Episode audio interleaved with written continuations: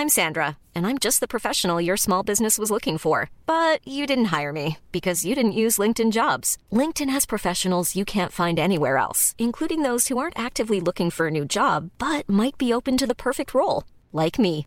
In a given month, over 70% of LinkedIn users don't visit other leading job sites. So if you're not looking on LinkedIn, you'll miss out on great candidates like Sandra. Start hiring professionals like a professional. Post your free job on linkedin.com/people today. Burrow's furniture is built for the way you live. From ensuring easy assembly and disassembly to honoring highly requested new colors for their award-winning seating, they always have their customers in mind. Their modular seating is made out of durable materials to last and grow with you. And with Burrow, you always get fast, free shipping. Get up to 60% off during Burrow's Memorial Day sale at burrow.com slash ACAST. That's burrow.com slash ACAST. burrow.com slash ACAST. Wow. Nice. Yeah. What you're hearing are the sounds of people everywhere putting on Bombas socks, underwear, and t-shirts made from absurdly soft materials that feel like plush clouds. Yeah, that plush. And the best part? For every item you purchase, Bombas donates another to someone facing homelessness. Bombas. Big comfort for everyone. Go to bombas.com slash ACAST and use code ACAST for 20% off your first purchase. That's bombas.com slash ACAST. Code ACAST. Tuttosvenskan presenteras av Unibet, stolt huvudsponsor till Allsvenskan och Superettan.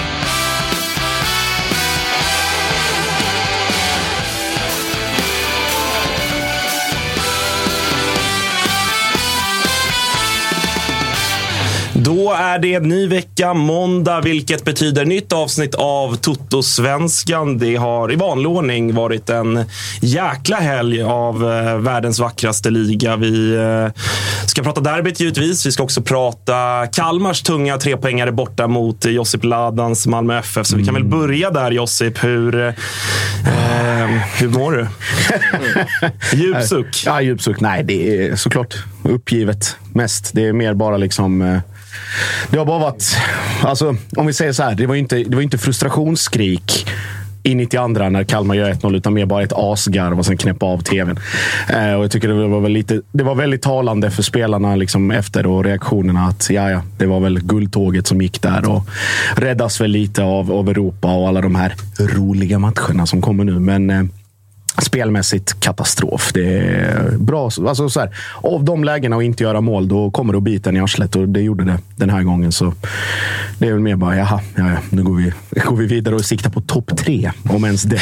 Ja, exakt. Men som du säger, det kändes eh, uppgivet både bland spelarna men också publiken ju, som, som eh, lämnade på, liksom, på målet direkt. Och det var ändå typ fem minuter kvar av tilläggstid, men, Ja. men eh, stora delar av stadion lämnade. Så det var väl signifikativt för eh, Malmö att eh, det känns som att tåget gick där. Eh, mer om Ja, Malmö. Malmö sen. Eh, vi ska också hälsa Albin välkommen, som jag trodde att du hade varit i studion förut. Men du har bara varit på länk. Kalmar FF-supporter, för de som minns.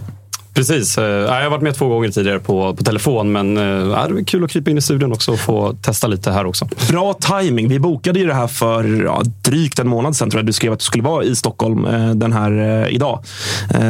Och Malmö borta. Och vi tänkte att ja, men det blir bra, vi bokar in dig. Men man kanske inte trodde att du skulle få sitta här med en seger i bagaget. Nej, jag har fått lite blickar där av Josip under, under tiden jag varit här. Men nej, som du säger, det är ju otroligt bra timing och jag, det är alltid roligare att prata om en vinst än om en, en sur förlust såklart. Och, ja, mot Malmö FF och alla lag också. Det, nej, det, det klaffade väldigt bra det här. Ja, vad fan var det? Kalmar har inte vunnit här sen typ, vad var det, 2010? Ja, 2010. Ja, precis. Det Det, är klart det skulle vara igår. Ja, givetvis. Ja, och jag efterfrågade ju två raka segrar för Kalmar när vi hade Rydström här i, var det i fredags förra veckan. Eh, och när de liksom, för det har varit så jäkla mycket varannan match och då, då kom det nu. Så att, eh, Rydström lyssnade på, på Toto-svenskan i vanlig ordning. Så att det, det var ju trevligt.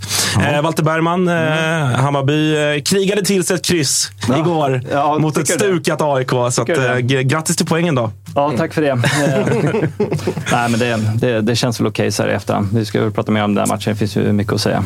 Jag tror att du ändå, eh, alltså så rent, bara om man kollar på poängen, är nog du ändå mer nöjd än vad jag är utifrån, eh, inte utifrån hur matchen spelar sig, men inte så. Jag menar bara att ni har ju fortfarande ett klart liksom, godkänt häng på toppen. För mig känns det lite som att våra tåg också gick igår. Ja, ja, jag kan ju inte sätta mig in i hur du känner. Däremot så känner jag inför matchen att eh, det här var en match som jag tycker Bayern ska vinna och jag tycker vi ska ta tre poäng. Så, eh, normalt sett så hade ju en poäng bort mot AIK känns okej eller bra. Eh, men jag var ju inte nöjd med en poäng igår. Nej. Eh, som, du, som du säger, vi ska prata mer om den matchen. Kalle, du är lite stressad i vanlig ordning, men hur har din helg varit? men nu har det fan varit katastrof egentligen. Nej, men nu är det på en ny nivå. Eh, nej, men hitta inte... Nej, den, har, den har varit spännande. Jag, jag, jag har- var med om en Voi-olycka, så jag har ont i hela jävla kroppen idag. Trillade så in i helvete. Idag jag. eller i helgen? Nej, i uh, förrgår ska jag åka och köpa snus. Eh, sen kom det en vägkant som jag missade. Och det blev en jävla smäll. Så, ja. Det är bra, Men annars lever jag. Det är bra att öppna jacken när man åker Voi, vet du. Ja, men så är det. Eh, Så är det. Eh, Annars, är det annars är det bra med dig. Ja, ja. Bra. bra. Eh, hörni, vi, ska, vi ska inleda dagens program med att ringa eh, Dava, som utlovat, som vi också pratade med i fredags, både han och Martinsson, inför ångestmatchen som var i lördags. Och, eh, jag skulle inte vara sadist, sa jag. Så att vi, vi ringer David som, eh, som fick fira tre jävla viktiga pinnar för, för sitt Degerfors mot eh, GIF Sundsvall. Som, eh, alltså, vi raljerar lite kring Sundsvall, men frågan är om det inte är befogat att säga att det är ett av de sämsta lagen man har sett i allsvenskan de senaste tio åren. Jag kan inte säga någonting. Helt Malmö, ärligt. Malmö har eh, förlorat mot Sundsvall. Så att det, jag, jag är nog den sista Ja, som du tycker att det är ett ganska bra lag? Ja, då, då är vi den här flanken håller truten när vi pratar eh, Sundsvall. Ja, eh, nu har vi med oss Dava. Tjena! Tja! Hur mår du? Eh, bättre. Hur mår du? Eh, jag, mår, jag mår väl eh, ja, okej, får, jag väl, får jag väl säga. Eh, jag tror ändå att du mår bättre. Eh, du, det, var, det var en jävla körning där på Stora Valla. Det blev inte alls den där tillknäppta och eh, liksom, ja, ångestladdade historien som vi, som vi kanske trodde på förhand. Det var ju faktiskt en, för, i alla fall för oss objektiva, en ganska trevlig match att titta på i lördags. Jo, men det kan jag förstå. Men alltså, att, att den var ångestbefriad, det stämmer ju inte. Det var ju fy fan alltså. Jag tycker de tio första minuterna liksom är ganska eh, talande för att det var en sån här nu kommer allting skita sig match. För vi börjar med att ha ett ja, men jättefint läge. Matchminut tre tror jag det är. Eh, Joe Jao nära på att göra ett drömmål för att tre minuter senare ha orsakat en straff bakåt. Och 1-0 i braken igen där. Så att, nej, fy fan. Man, man led. Det gjorde man. Ja, det var en jävla, en jävla inledning på matchen. Vad säger du om, ska vi ta straffsituationen eh, ganska klar, va, eller? Ja, men det tycker jag. Alltså det, jag, jag vet inte, det var någon som ville få ett en billig straff. Det tycker jag inte. Liksom, det är ju, det är så här, han, han, han går in i situationen helt onödigt och helt felaktigt. Så jag tycker inte att det är någonting att snacka om. Liksom. Det, där är ju, det är bara idiotiskt agerande. Det är inte ens en målchans där, utan han bara... Jag vet inte vad han försöker göra egentligen, men han typ alltså, halvhoppar in i situationen. Så att, nej. Det är inget bra försvarsspel. Nej, det får man säga. Vi pratade ju mycket i, i fredags om, eh, om hur stora favoriter ni var. Vi, vi bollade lite oddsen. Ni stod väl 1,70 och inte minst Martinsson raljerade ganska mycket kring det. Men jag, jag tycker väl ändå att man får säga att Alltså, även om så här, nej, det, det är ju två ganska svaga lag om man, om man får vara sån. Men jag tycker ju ändå att det blev tydligt att ni är ändå Alltså ni är ändå ett mycket bättre lag. Mycket, men ni är ett bättre lag än, än vad GIF Sundsvall är. Håller du med? Ja, men det är väl klart jag håller med i och med att jag tycker att vi kanske är ett bättre fotbollsspelande lag. Eh, men sen så måste jag ändå säga att den här matchen kunde ju lika gärna slutat på med Sundsvall vinst. Eh, de har ju en boll in i mål eh, vid ställningen 1-1 där. Så får de 2-1 strax innan paus. Alltså de hjärnspökena som ställer sig i våra spelares och det vill jag inte veta. Eh, Så det, det är lite räddade av liksom en, en, en, en domartabbe, får man ändå kalla det. Det är ju klart att Eh, ja, jag gnällde ju förra veckan på att vi inte får med oss straff till ett två. Alltså, här ska ju Sundsvall ha ett mål och det är ju liksom... Ja, det är så det är. Det här, vi hade väl tur att det var åt rätt håll den här gången. Men eh, sett i andra halvlek tycker jag att eh, Sundsvall inte skapar jättemycket. De har väl ett bra läge vad jag vill minnas. Ehm, eh, förutom det tycker jag att vi ja, men, har kontroll på matchen och är spelförande så som jag hade hoppats det skulle vara. Jävla fint kvitteringsmål också av, av Campos som vi ju, eh, jag vill minnas att både du men, men jag och många andra liksom eh, plussade för inför. Han såg intressant ut i, i kuppen och, och, och försäsongen och sådär. Eh, var ju inblandad i det mesta och jag, jag kollade här inför. Han står ändå på 4 plus 2 för ett Degerfors som, som ligger näst sist. Nej, ni ligger på kvalplats nu, förlåt. Eh, mm. Det är ändå imponerande. Vad, vad säger du om hans insats? Eh, men Diego har ju, förutom att han gjorde ett assist, tog han ju även ett gult kort då, igen för snack. Så att, eh, lilla, lilla humöret hänger ju med. Liksom. Eh, nej, men alltså, hans kvalitet, precis som ni säger, det har vi ju liksom den var ju ganska tydlig redan försäsongen. Sen så har ju han, precis som alla andra, tack vare Degerfors usla period i starten också haft en dålig period. Och han har ju till och med suttit kvist nu några matcher när Dijan Vukovic kom igång. Eh, de spelar upp samma position han har väl återtagit den positionen nu, eh, vad man kan tolka. Och han har ju visat det med två jättefina liksom, ja, volleys bredsidor i bortre krysset nu. Eh, vi hade ju även en sån eh, vilken match var det? Jag kommer inte ihåg, men det var en match tidigare där han gör ett jättefint mål. Där. Så att, eh, nej, men det är ju klass. Eh, finns mer ut att hämta där. Eh, kan han hålla humöret ner lite så tror jag att han liksom kan ta ytterligare steg. Och även, även eh, två spelare som, som vi var inne på också i fredags, Faraj och Lagerbielke. Visserligen inlånade spelare. Det är ju en, mm. liksom en större och längre diskussion man kan ta det här med, med liksom korttidslån och sådär. Men, men jag, jag är ju för det när man är, ligger där ni ligger, så att säga. Ni är tvungna att agera utifrån att ni har ett kontrakt att rädda. Men, men de, de får man ändå säga blir avgörande här också, båda två. Mm. Eh, absolut. Lagerbielke, som vi sa, han är ju... En, alltså vi, vi, Lagerbielke och hela backlinjen blir ju, alltså, ser ju kanske bättre ut i den här matchen än vad de kanske är. För Sundsvall har ju liksom ingen djupledshot i den här matchen. Jag vet inte, Ronaldo Damus, jag vet inte, han var väl inte med i starten eller så såg jag helt fel. Men han, alltså, de har ju liksom ingen djupledshot där så det blir ganska lätt för vår backlinje att trycka upp. Eh, så jag tycker att alltså, de gör det självklart bra men de ställer sig inte på så mycket prov. Eh, och lag, men Lagerbielke, för att hålla med dig, han har ju varit en alltså, fundamental förstärkning där i vårt mittlås absolut. Ja, alltså, på tal om Damus, det är jävla konstigt. Jag vet inte om du, du sitter inne på något där Josip eller sådär. Mm. Men, men det är en spelare som fyra mål i ett liksom, ja, seriens sämsta lag gjort många fina mål dessutom. Mm. Han inledde på bänken här igen. Vi pratade om, om honom med Martinsson i fredags också. Ju. Mm. Han får inte ens hoppa in i den här matchen. När man ligger under och jagar en. Nu vet jag inte, jag ska braska för att han kanske har en känning eller någonting man inte vet om. Mm. Men är inte det jävligt konstigt när man, liksom, man envisas med att springa runt med Saku Ylätupa där ute? Som alla som liksom följde svensk fotboll tidigare år när han var i AIK borde veta att det är ingen spelare du kan ha på plan om du vill vinna, vinna fotbollsmatcher. Ja, jag, jag skrek ju, jag var ju bland de eh, första och högsta att skrika Ånstrand out efter typ tre omgångar när man såg vad fan det var på väg någonstans. Men det, ja, nej, jag vet inte. Men det, det, det är lite, lite som i MFFs fall, att man försöker liksom att hitta och pussla och alternera. Vad var det Henok igår som ska försöka göra Ceesay till någon tia? och så här. Alltså, alla medel är tillåtna i när det kommer till den här delen av säsongen om alla parametrar inte klaffar. Eh, nu Henok fick göra det på grund av JG out och hela den grejen. Eh, Malmö gör det på grund av att folk skiter i att spela fotboll med tio omgångar kvar. Men Sundsvall, där, ja, det känns som att skulle tränaren kunna gå in och göra det själv så kommer han väl att göra det om två omgångar, mm. om det behövs.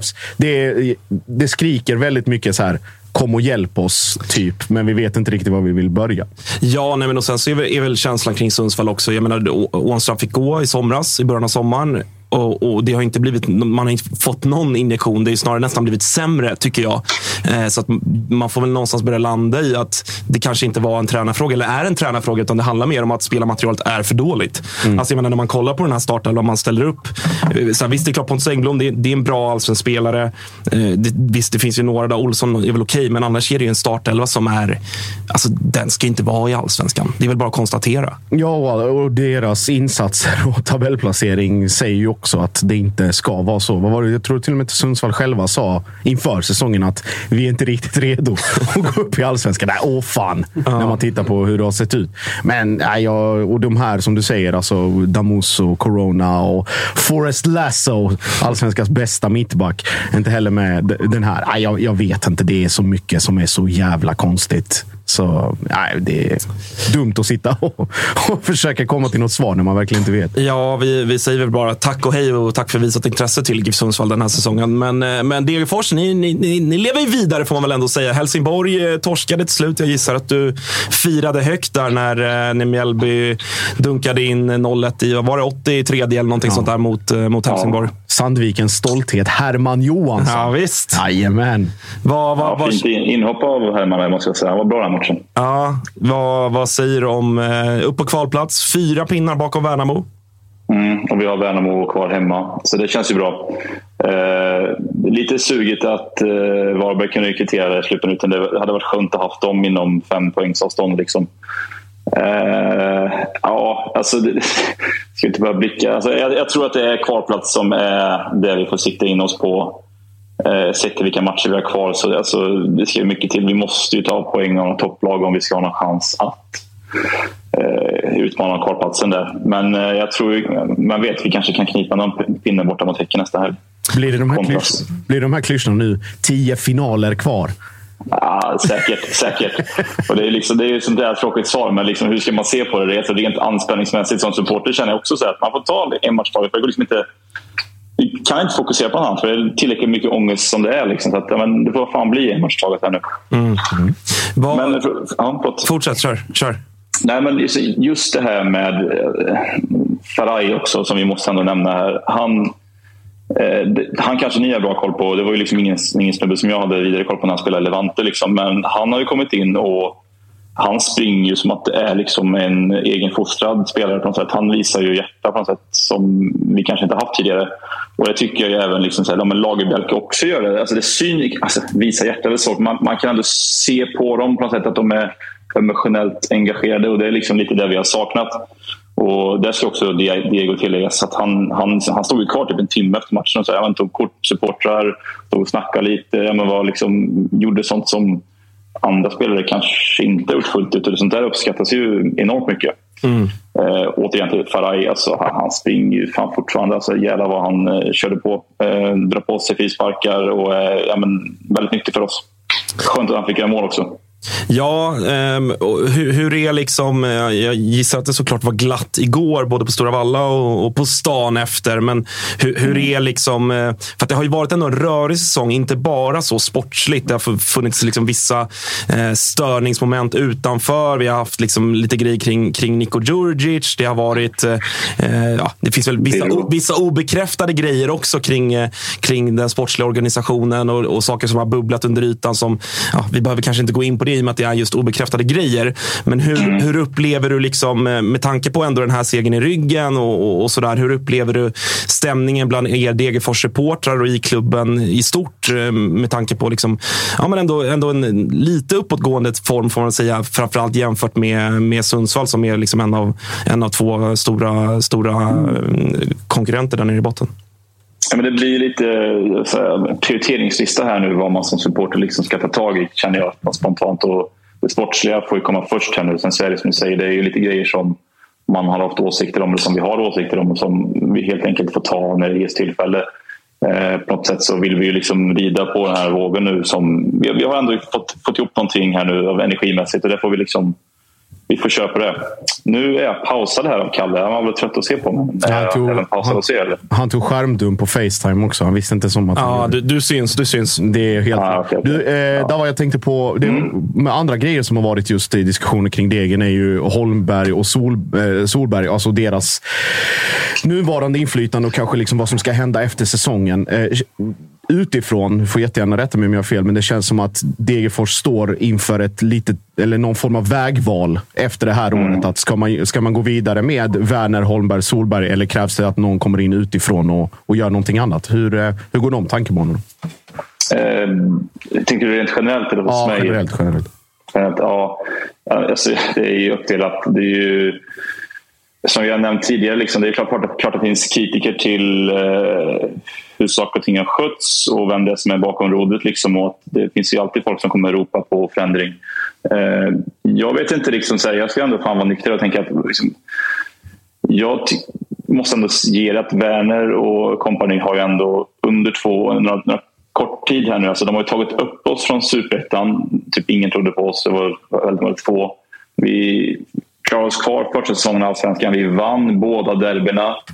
Eh, och så helt plötsligt hamnar vi i en situation här i eh, början på säsongen där det går riktigt dåligt och helt plötsligt kan man slänga dem under bussen. Liksom. Man, visst, det, är ju, alltså, det är klart man måste ha med sig att man kan, det, det är liksom en eh, det är en färskvara, så, så är det ju. Alltså, man kan ju inte leva på gamla meriter men samtidigt måste man ha respekt för den process man tagit. Det är alltså två unga tränare och en sportchef som själva har sagt att han är liksom, kanske inte helt erfaren i allsvenska kostymen. Och det måste jag säga, det har ju kanske inte Degerfors som helhet varit.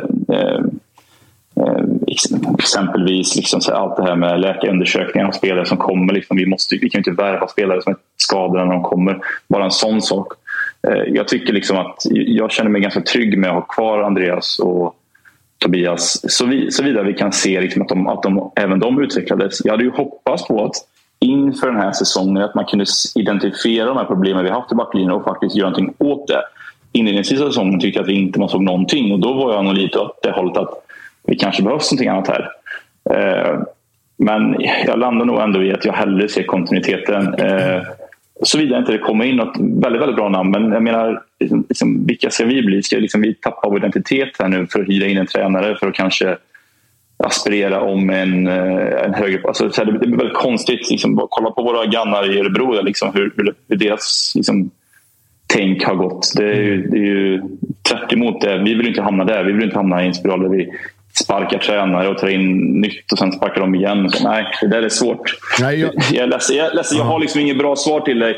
Jag vill liksom bara se kontinuitet. Jag vill se att det utvecklas. Jag vill liksom se att vi växer organiskt på något sätt. Ja, för du besvarar följdfrågan själv. För min nästa fråga var ju så här. Vad vill Degerfors vara? Vill man vara i det klustret precis ovanför strecket eller är man okej okay med att vara typ Sundsvall, det vill säga upp och ner eh, ur, ur och Eh, i liksom allsvenskan och superettan och hela den grejen. Mm. För det är ju inte heller hållbart i längden. Sen behöver man inte göra som, som Örebro å andra sidan heller, där Nej. ingenting någonsin har fungerat under de senaste tre, fyra åren. Men alltså just den mellanvägen. Att är, det, är de här tre då rätt, rätt manskap att leda Degerfors in i den överskådliga framtiden? Liksom?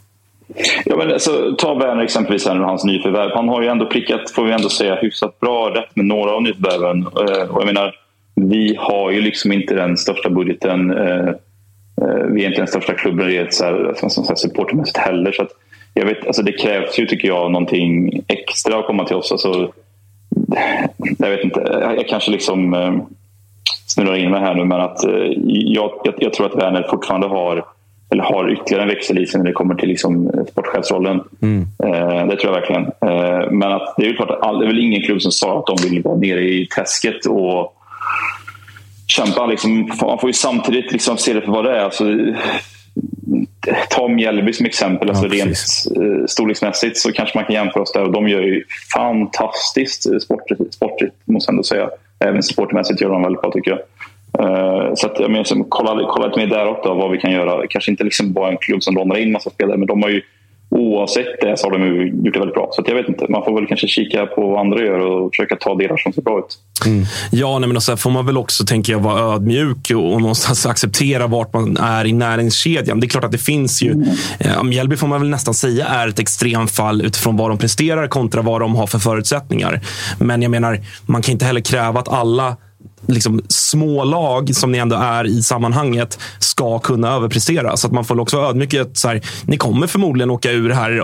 Om inte i år mm. så kanske om två år eller tre år. Eller alltså, mm. Poängen är att man kan inte kräva så jävla mycket mer, tycker jag. Nej, och alltså, så, här, ekonomin styr i fotbollen, så del, är det ju. Dels stämmer. Jag ser å andra sidan inga, inga hinder för att Degerfors skulle kunna bli nya Varberg. Nej, absolut. Alltså om man absolut. vänder på det så. Liksom. Mm. Nej, men, och, och säg, att, säg att ni klarar ni löser kontraktet i år och så, då, är ni, då är det tredje säsongen. Och, alltså, så här, så jag tycker inte att uh, ni behöver skämmas egentligen för era insatser. Ja, vissa matcher kanske man kan. Ja, vissa enskilda matcher. Men i stort då? Man ska liksom... Ja, ja men jag, fattar, jag fattar vad du menar. Jag menar, det handlar ju liksom också om... Jag håller med dig. Alltså, sett över en tioårsperiod så, så här, det är väl klart att realisten i mig känner att det kanske inte är möjligt att vi är kvar i allsvenskan i de tio åren. Utan vi kommer säkert åka ner och Örebro kommer säkert vinna några, några derbyn. Liksom, och så är det ju. Det kommer ju säkert ske saker som är min nöjd men, men frågan är liksom, under den tiden, liksom, vill man vara den som... Det handlar om identitet också. Jag vill ju inte Mm. liksom, kasta ut hur vi ser på fotboll och hur vi, vi anser att det ska spelas. Och, liksom, det, det får ju inte slängas ut genom dörren. Det tycker jag är viktigt. Mm. Ja, det blir, det blir jävla spännande. Du, ni har ett, eh, ni har ett riktigt schema här som, eh, som stundar. Du eh, ser, ser lite Olof Möller-tendenser i det här när vi snackade lite inför. Att du var inne på att eh, ni kniper nog en pinne mot Häcken här i nästa omgång.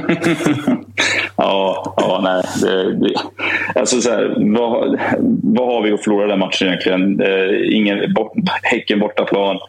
Lagerbjälke har jag för mig avstängd. Eh, jag vet inte hur det ser ut på skador och sånt där. Men liksom, fan in med... Eh, alltså, in och kul.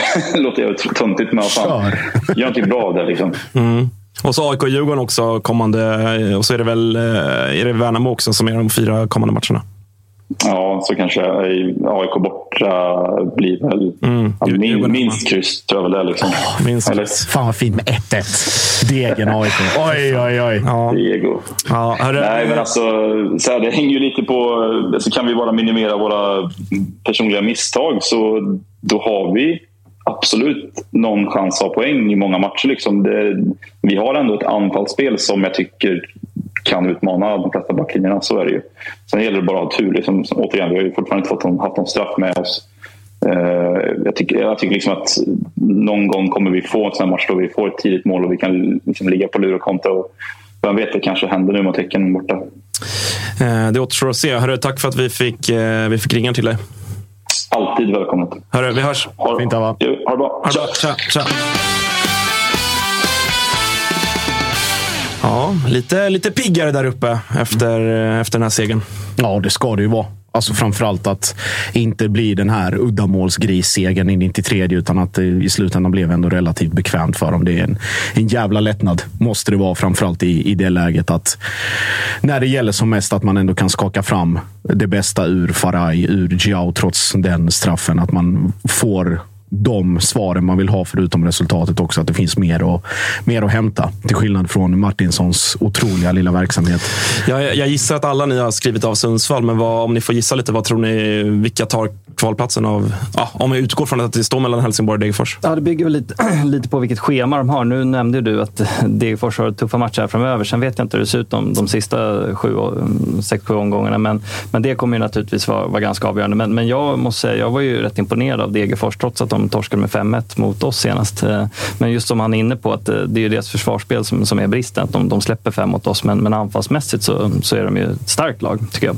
Eh, Bland de bättre man sett på Tele2. Eh, De skapar ändå ganska mycket chanser på Bayern som, som i det lag som annars har släppt in ganska lite, släppt till ganska lite målchanser. Så, att, så länge de kan sätta sina mål så, så finns nog alla möjligheter för dem att ta kvalplatsen. Och den omställningen just där de gör målet mot Bayern, Mm. det, det är skolboksexempel. Ja, jättebra. Absolut. Klass. De, de hade högre XG än Bayern, va? Hade de inte det? Ja, det. Bayern hade ju typ ett. Så att, Ja, eh, jo, det- jag tror att de hade inte högre på de flesta. Ja. det Otroligt alltså. Eh, Både Oma Faraj som är eh, nyförvärv och sen Rasmus Örqvist också är väl också ny va? Ja. Eh, bå- jag har blivit otroligt imponerad av båda dem. Faktiskt. det är- Och även, även Mörfält har vi pratat om tidigare, som Precis. ju inte fick ut någonting i Mjällby, men som ändå har varit en jäkla injektion i Degerfors. Så att det, det, ja, det, blir, det blir spännande att se eh, vilka, vilka det blir där nere.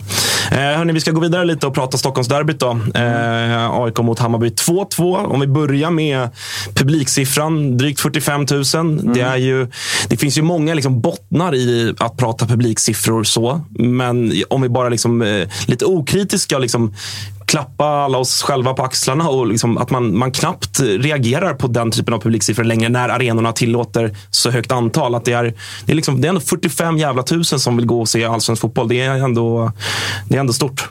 Ja, jo, det, det är bra.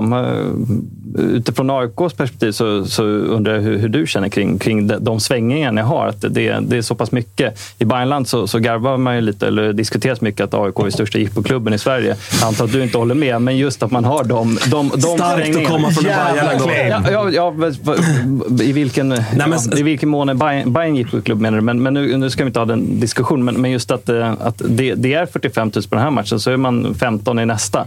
Det, det är en, jävla... eh, Ja, Just, just därav mitt, det finns många bottnar i det. Eh, jag och Josse pratade lite om det här innan, innan vi gick in. Och, eh, det finns ju en diskussion i, i AIK-led. Så där, liksom, ja, dels både eh, ja, skillnaden i publiksiffror, även om AIK i år i och för sig, jag tror att det är en match vi har haft 15 000. Alla andra hemmamatcher tror jag vi har varit över 20. Eh, Men det är klart att det, det finns ju en diskussion som är liksom, dels att man tycker att, eh, vilket jag till viss del håller med om, att, att norra kanske är eh, ja, men lite svagare än vanligt. Vilket eh, enligt mig mycket beror på att det liksom dels pågår en generationsväxling. Eh, men också att så här, vi ser en trend i egentligen alla lag. Jag tror väl typ alla storlag har ökat ganska ordentligt i publiksiffror i år. Ja, bortsett från Hammarby då, som har legat liksom högt i många år nu. Eh, Gick på klubben. Ja, ja, jo, vi, vi, kan ju, vi kan ju backa banden längre än så, Walter, om du vill gå in på den, eh, den diskussionen. När vi hade en Eh, arena som tog 11 eller vadå? Ja, som inte fylldes så så ofta heller. 90 procent i beläggningsgrad. Nej, sluta nu. Sluta nu. Eh, nej, vi inte, nej, men så här, det är klart att det finns ju en, eh, en problematik. Eller liksom det, jag fattar ju att antagonister såklart vill hugga på det. Att så här, ha, vart är de eh, 25 000 andra, de andra matcherna? Eh, och, och det, är väl, det är väl legit att tycka det. Eh, men jag menar mer att så här, ett derby i år, eller nu för tiden, jämfört med vad vet jag, tidigt 00-tal, då var det ju inte ovanligt, även fast Råsunda var mindre. Det tog ändå 35. Det var inte så sällan det var 23 på Stockholmsderbyn, oavsett vilka klubbar som spelade. Mindre än det till och med. Ja, nej, men så att det, har- det har ju Nej, det- skett någonting ändå för alla tre Stockholmsklubbar. Ja, nej, men absolut. Det, det är klart, jag, jag raljerar lite. Men, men, nej, men det, det, Det är får man göra. Ja, det, det är bra att, att det kommer publik naturligtvis, men, men det, det är inte utan att man småler att, att de kommer när, när Bayern dyker upp. Liksom. Men jag, jag tror Det att... väl 45 på AIK och Djurgården också. Ja, ja, ja, ja, ja, ja, ja. Nu för, för att bryta in här lite i det här eh, innanför eh, tullarna otroliga surret här. Eh, jag tror att det är, det är en kombination av postpandemisk effekt. Att det är liksom folk vill gå och man tar tillfället i akt. Fotboll är poppis, det är hypat, det är liksom, det snackas mycket och det är stort intresse rent generellt för all, all den här typen av liksom saker där folk kan samlas igen. Och som du säger August, framförallt tror jag det är en generationsgrej. För det här, alltså om vi säger att corona dödade ganska mångas engagemang på ett sätt. Att det blev liksom så här, om man stod i valet och kvalet innan pandemin så kanske man inte, man ska inte säga, man, man fortsätter gå på fotboll, men man kanske går på en annan sektion. Eller det blir inte lika primärt i ens liv. Medan folk som kanske aldrig varit på fotboll innan går på det nu. Och då blir det den här totala kontrasten av hur ska jag, jag kalla det för TikTok-publik.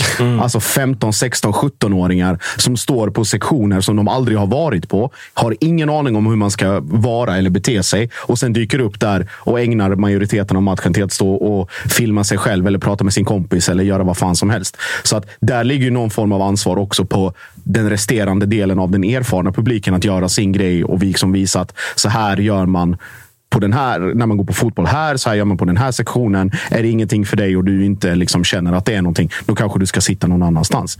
Sen är det, då, det är raljant av mig också. Jag tillhör ju en annan generation på det sättet, men det är fortfarande att man måste skola in den nya publiken på rätt sätt. Och det är, jag känner igen det själv. Alltså det är, många kommer gå på kanske nu de här matcherna i slutet av säsongen, 8-10 som är kvar.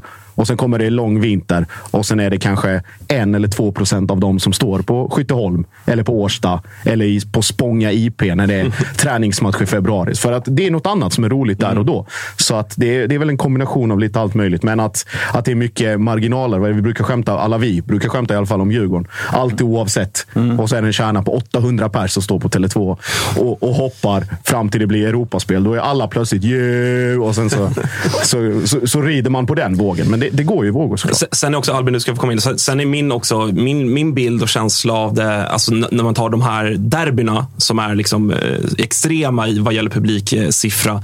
Eh, fall, jag, jag blir alltid lika förvånad när jag inför match man sitter och kollar på telefonen eller liksom ett, ens flöde eller efteråt. Sådär, att, fan, oj, var han på matchen? Och hon och han och han och hon. Alltså folk som man vet inte heller har en lagtillhörighet. Min känsla är verkligen att det är mycket alltså, objektivt folk som inte håller på något av lagen som bara går för att det är en häftig grej. Jag har liksom, ja, men kollegor och sånt som inte är från Stockholm som inte har något lag som är så här, fan du jag tänkte gå på derbyt här i helgen för att, för att man tycker att det är, är kul och coolt. Och, och, och det är väl ändå ett eh, liksom, plus i kanten för eh, liksom, våra lags kortsidor om inte annat. Som, som, det, det är anledningen till att man vill gå på derbyn, att det är en jävla inramning som, som är svår att hitta någon annanstans. Ehm, så det, men som sagt, det finns många bottnar i det och det fin, man kan, vi skulle kunna ha en podd bara om att prata publik tror jag. Eh, men, men det- Specialpodden. Ja, det kanske vi ska göra någon gång. Ja, absolut. Det var Publikpodden. Ja, publikpodden. Ja. Al- Albin, vad, Ja, nej, du på? nej, det var, det, ni har ju pratat om det här nu såklart, men, det, men jag tycker det är så intressant det ni säger. Just att, det här, alltså, att vi har sett en sån ökad publik, eller ökad mängd publik som har kommit på matcherna efter pandemin. Alltså, det har varit väldigt mycket snack om det här i, i Kalmar också. Alltså, en stad som saknar ett riktigt tydligt sånt här, alltså en tydlig antagonist. Alltså, ni har ju både Djurgården och, och Hammarby. Liksom, vi har ju ingenting. Vi har ju Öster och, och Oskarshamn som inte spelar i samma serie. Liksom. Men glöm inte Värnamo för fan. Ja, Värnamo. då. När de var på Guldfågeln, ska jag Nej. säga, det var inte jättemånga. som- Nej, det är Det var ingen Nej, derbykänsla. det var ingen derbykänsla. Nej. så, Nej. Nej, men det, jag tycker det är, det är intressant att man kan ta ett perspektiv mot eh, liksom, de lite mindre städerna och de mindre föreningarna också. Och då, de som kanske saknar antagonister, att det har faktiskt varit ett publikuppskjut där också. I, i, på Guldfågeln så snittar det nästan 7000 varje, varje match. Liksom. Jag tycker det, det Ja, och då ska man veta vilken misär Kalmar har varit i det har publikmässigt. varit, alltså, det har varit oerhört mycket snack om det. Och sen vet, lyfter från sofforna efter pandemin och går på matcherna istället för att sitta och kolla på, på tvn. Det, det har varit ett, väldigt mycket snack om det. Och, ja, det är, Även, även Göteborg, de hade ju bästa publikscenen någonsin, återigen när de mötte Bayern nu sist. eh, Eller inte någonsin, men på de senaste sju, åtta åren. någonting. Det är väl Peking emot va, som det inte känns som det lyfter riktigt. Ja, Elfsborg också kanske, va? Ja, och det har ju Tapper varit inne på. Det är en bortskämd, eh, alltså ett bortskämd, en bortskämd stad i det avseendet. Att Ja. det, blir liksom, det finns Plus att man får säga saker. att de två lagen är väl de som tydligast liksom har underpresterat Ja, ganska så grovt. Alltså inte att de har, är två, tre placeringar under mot vad man liksom trodde, utan det är sju, åtta placeringar under. Så att det, det är väl extremfall åt det hållet. Nej, Elfsborg mötte Molde var det va? I, nu i Ja. kvalet. Alltså, jag menar, det var inte mycket folk på läktaren. Tre och, tre och fyra. Alltså, det, är, jag. det är ju en match som då, då man verkligen borde gå och kolla. Så jag vet inte. Ja, det är, Nej, det är ju Sveriges svarta publikhål. Det är Borås. Ja, men det, det, uppenbarligen är det så. Eh, nej, men, och, Jag ser fram emot publikpodden för att döda myten om att Bayern skulle vara jippo-supporter. det där jag tog ska- hårt på dig. Nej, det tog inte alls hårt, men, men det är roligt att den myten har fått frodas att Bayern är jippo-supporter trots att det blir det mest jämna och stabila laget i Allsvenskan som alltid har över 25 000 och, och då är det jippo. För att nu ja, är i modern tid, inte historiskt. Vad- Ja, vadå? Det, Ja, men det, man kan väl, om vi ska återgå, om vi ska återgå till derbyt på Råsunda. Det var, inte, det, var inte, det var inte så att Bayern kom med 15 000 man till Råsunda. Nej, nej, men det gjorde inget annat lag heller. Det var ju så som eh, publikintresset såg ut i Allsvenskan. Men, men att jämföra historiska publiksiffror, Bayern och AIK, när AIK haft en arena som, eh, som, som tar liksom två, tre gånger så mycket, det, det är ju det är ointressant. Det intressanta är att diskutera när, när alla Stockholmsklubbar har jäm, jämförbara förutsättningar, vilka är det då som drar iväg? Och, och det är Bayern. Och det menar jag inte Jippo, utan det handlar om att det är nya arenor som, som ger nya förutsättningar. Och stabiliteten framför allt. Att eh, alltid, alltid Bayern levererar jämna, höga publiksiffror. Det, det är enligt min mening motsatsen till Jippo. Så du menar inte att det har tillkommit massa ny publik sen Hammarby flyttade in på Tele2? Ja, ja, det är klart att det tillkommit publik, men, men det är gjort för både AIK och Djurgården. Ja. Som ni hör, det finns, eh, vi skulle säkert kunna, vi kanske ska göra det helt ärligt. Jag gick igång lite på tanken också, måste jag säga. Ja, folk, jag ser folk vevar i chatten på Ja, det är- tänk på har- tonen nu bara, chatten. Nej, man Tonen. inte, de säger man inte har koll på att eh, Peking och kallar Peking för bortskämda och hela tiden. Ni, ni ska inte lasta det här på mig. Säg det till Marcus Tapper. Det enda jag ser, det enda jag ser att han hetsar folk till att köpa biljetter var tredje timme. Så det, vi- ta det med honom och inte med mig. Vi, ska, vi, vi, vi kan fastna lite grann kring publiken, inte just publiksiffror kanske, men om vi börjar med Josip och Albin som är liksom de neutrala i frågan. Jag gissar att ni såg matchen båda två. Ja. Hur upplevde ni, om vi börjar dels med koreografierna inför matchen. förväntade mig mer. Alltså man var ju också, på tal om bortskämd, vi har ju varit bortskämda med väldigt bra eh, derbytifon. Eh, där AIK sist det var derby med de här tre tornen inte var särskilt eh, bra. Om man liksom rent objektivt så var väl Bayerns också tre plus nu. Eh, med de här 7-0 och skål för Bayern och, och hela den grejen. Men jag förväntar, det är väl kanske min förväntningsbild att jag trodde att det skulle vara mer. Man är, som, återigen, de här liksom stora heltäckande målningarna med detaljer och allt från den här. Som AIK körde. Ja, eller roddbå, liksom rör, den båten som ror över Hammarby sjö. Och liksom, det är den, den förväntansbilden man har. Sen, jag om någon fattar ju hur tifo, tifo-verksamhet funkar. Har man vad är det, tre derbyn per år och sen så tajta matcher i övrigt och allt möjligt annat. Man, det, det är också en, en fråga om tid och resurser och hur mycket man hinner och orkar och kan. Såklart Jag också. tänker ni håller alla tre på tre storlag. Liksom. Så sitter jag här och håller på KFF. Alltså tifon är ju någonting man blir bortskämd med som, som storklubb på något sätt. Och ribban är ju hög, satt väldigt högt. alltså jag tyckte det var väl helt okej tifon, liksom, men, men som du säger Josip, det, Mm. ja, lite mer hade man väl kanske förväntat sig, men, men samtidigt så Ja, alltså sy- sydostkurvan är ju jättebra. Alltså, otroligt bra. Väl, är väl bättre nu än vad det har varit på nästan hela 10-talet liksom, på Guldfågeln. Men, men några sådana tifon kan vi tyvärr inte eh, få till. Eh, så jag satt vid, vid tvn och ja, men, va, det är ändå bra. Jag tycker ändå det, det, var, det, var ändå bra. Det är, det är aldrig dåligt. Ja, det är aldrig dåligt, men det är såklart alltså förvänt, alltså förväntningarna och vad man tror och tänker och vet, framförallt av erfarenhet, att Stockholmsklubbarna presterar i matcherna mot varandra, så var det väl kanske att man hoppades på något ytterligare. Ja, jag älskade ju våran eh, Råsunda-hyllning. Ju. Eh, tio år sedan, sedan sista matchen eh, nu i höst. Så att det fanns ju lite den liksom, eh, tanken med det hela. Vad, vad känner du kring Hammarbys eh, koreografi? Nej, alltså, jag jag kommer aldrig kri- kritisera TIF-gruppen, men, men för egen del så föredrar jag också stora, eh, stora målningar. Men det är bara en personlig smakfråga. Men, men eh, det här är ju också en blinkning. Alltså Bajenbusen eh, som, som är liksom personen på bilden, eller vad man ska kalla det. Det, det är ju en, en gammal, eh, gammal grej som har funnits med sedan 40 år tillbaka i Bayern fans Eh, och eh, sen är det också, Bayern hade ju skål för Bayern tifo, eh, vet inte om ni minns det, tidigt Råsunda-derby, typ 20, 20, 2002, så för 20 år sedan.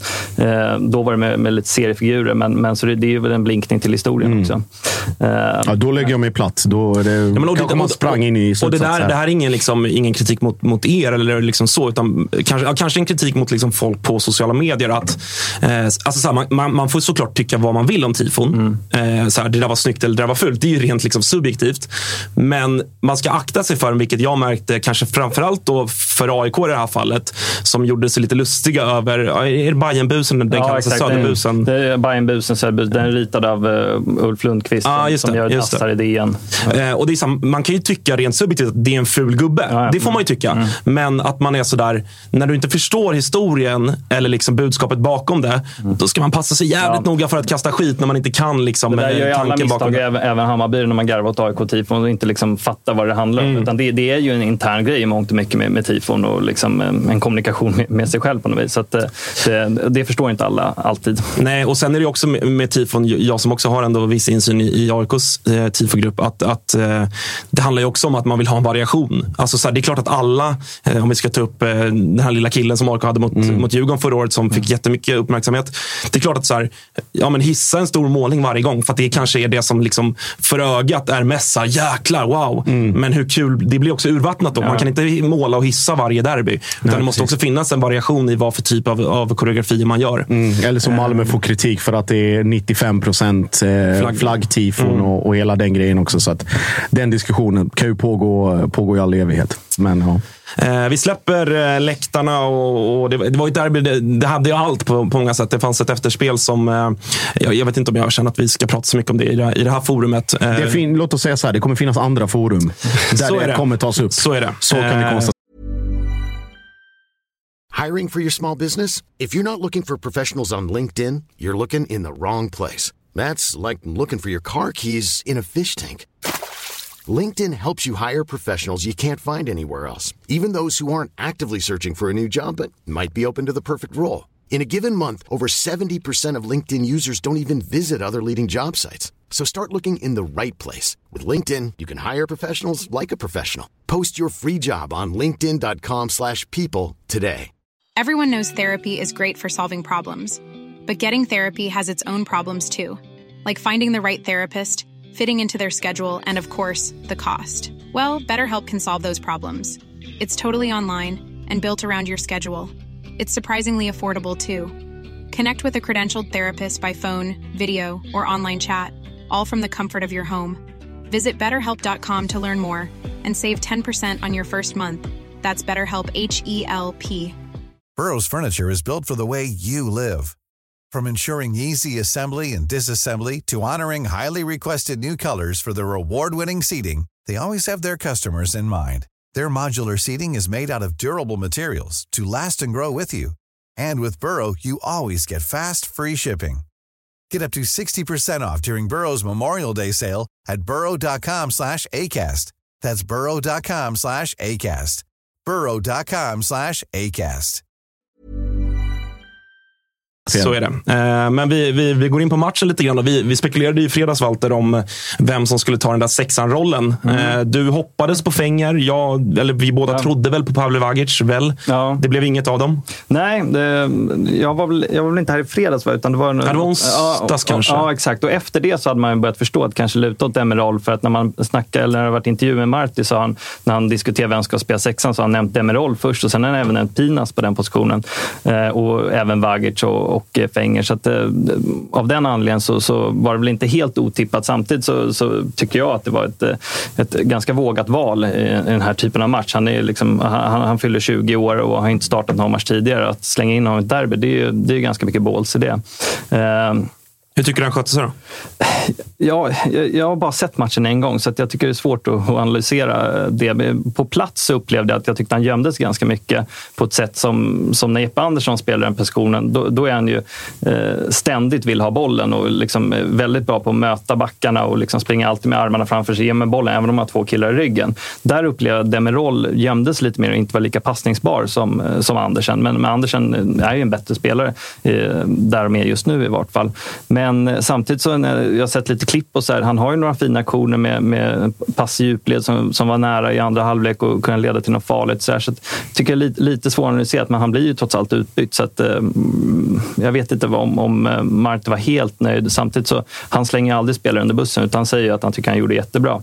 Eh, Men, jag tycker det är lite svår, svårt att analysera utifrån att ha sett matchen en gång på kortsidan om om han gör en bra eller dålig insats. Jag har sett det är jävligt spretigt Bayernled. Vissa tycker han är bäst på plan, vissa tycker han är sämst. Så att, eh, jag, jag vet inte. Jag, spontant så tyckte jag att han gömdes lite mycket. Mm, Jag tycker utifrån, alltså objektivt, jag följde, följde Demiral mer intensivt första 15-20 än vad, jag, än vad jag gjorde sen. Men jag tycker han, li- lite som du är inne på, gömmer sig lite. Men att det blir, det blir inte i något självdestruktivt syfte, att han inte liksom vågar. Utan att det blir att Darjan naturligt tar den rollen. Nahir liksom kliver fram och, och, och gör det, hur ska jag säga, täcker för den naturliga pondusen som kanske Jeppe Andersson har i förhållande till Dem- Demirol. Så utifrån alla de här parametrarna och debut och ålder och eh, förutsättningar, liksom matchens dignitet och så vidare, så tycker jag han, gör det absolut liksom godkänt. mm, sen, så- sen har han ingen utpräglad roll på, på något sätt så, utan det är väl mer att Nahir och eh, Darjan framförallt, då, de gör livet väldigt mycket lättare för honom. av och Om det är taktiska skäl eller om det bara är rent för att, okej, men fokuserar du på att göra de enkla grejerna så, så sköter, vi liksom, eh, sköter vi resten. Sen, sen har han ju eventuellt eh, en, en viss roll i i Gu- Guidettis mål som kommer tidigt. Att det är väl en yta som jag tycker att eh, där, där brukar man se sexan ska täcka den ytan. Det blir lite missförstånd där. Det har Mm. väl att göra med att de är nya och även vid, vid 2-1 målet i andra halvlek så är det också att eh, det blir lite missförstånd att Kurtus springer ut mot eh, Stefanelli. Eller vem är det som eh, inte... Bilal. Bilal ja.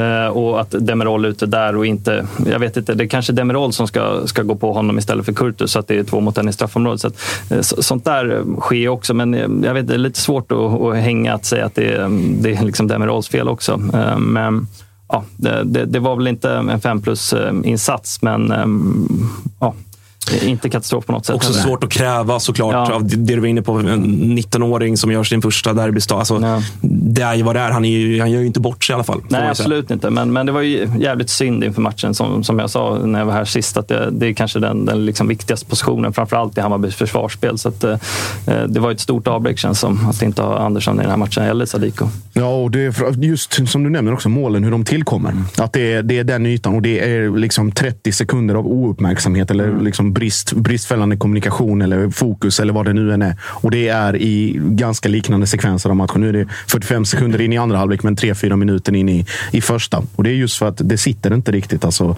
rörelsemönster och, och placering och position. Och, Ja, nej, men och den ytan tyckte jag också blev tydligt. Vi, i, jag pratade med några kompisar om det i, i fredags, eller om det var i lördags. Att, eh, just med tanke på de avbräcken och att det förmodligen kommer bli någon som kanske inte har gjort eh, 20 matcher där i år för Bayern så var det en yta som jag, jag var ganska övertygad om att Henok och, och, och AIK hade pratat mycket om att där kommer vi kunna såra Hammarby. För att de kommer ha en spelare där som, som inte är van vid det. Eh, och, och det är som du säger, båda målen på sätt och vis kommer ju lite grann i den ytan. Eh, så att jag, jag kände ju när, när John smäller in, det är ett jävla klassmål också får man ju säga. Mm, det är Eh, bra avslut. Mm. Det är ett jävla bra avslut. När, när, när vi gör 1-0 efter, vad är det, en och 30 typ. Då kände man ju att eh, vi kommer kunna göra tre, fyra mål om inte Hammarby justerar det där. Eh, men sen så blir det ju problematiskt för AIK. Eh, det blir ju tydligt när John tvingas utgå. Eh, Henok gör ganska tydliga liksom, taktiska förändringar.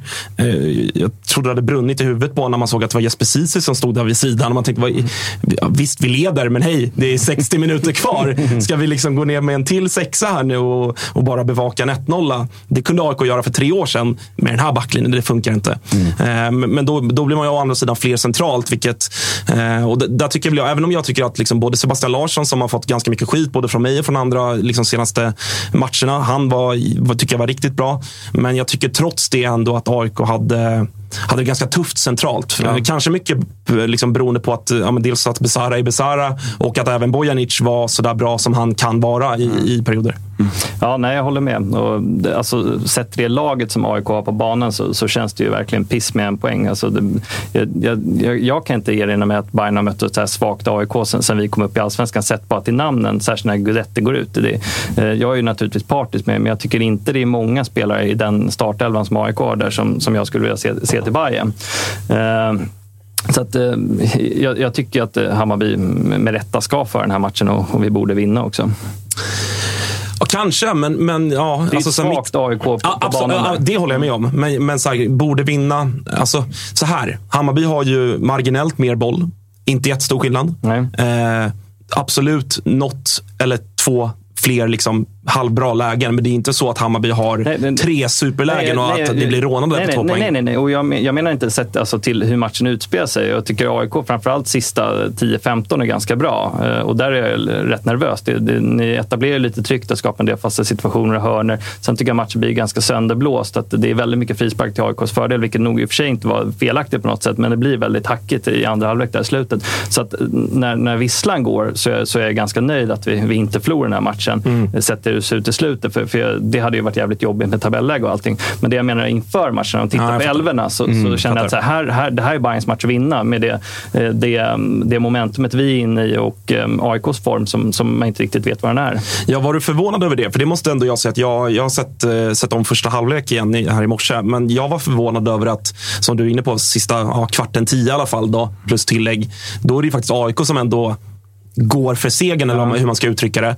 Eh, det var jag förvånad över av flera anledningar. Dels att ja, men Guidetti får kliva ut. Eh, vi har en Amar som annars kanske till och med hade startat, men om inte annat kommit in och liksom varit den injektion han är. Han var, eller är i Frankrike, vad man hör, för att eh, liksom lämna.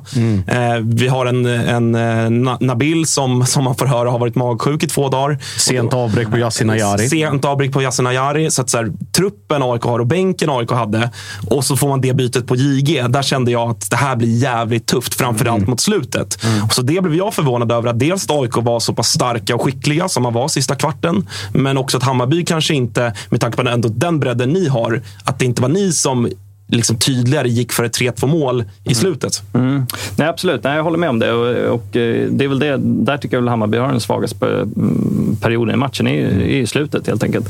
Eh, men eh, jag vet inte om det är lite psykologiskt också från Hammarbys sida. Alltså en poäng borta mot AIK, det är ju de flesta säsonger ett bra resultat. Och det, det är viktigt just så som tabelläget ser ut att, att inte riskera allt för mycket där. Men, men Hammarbys avslutning på matchen, den, den är ju för svag. Men första halvlek tycker jag ju Hammarby är bättre och även eh, inledningen på andra.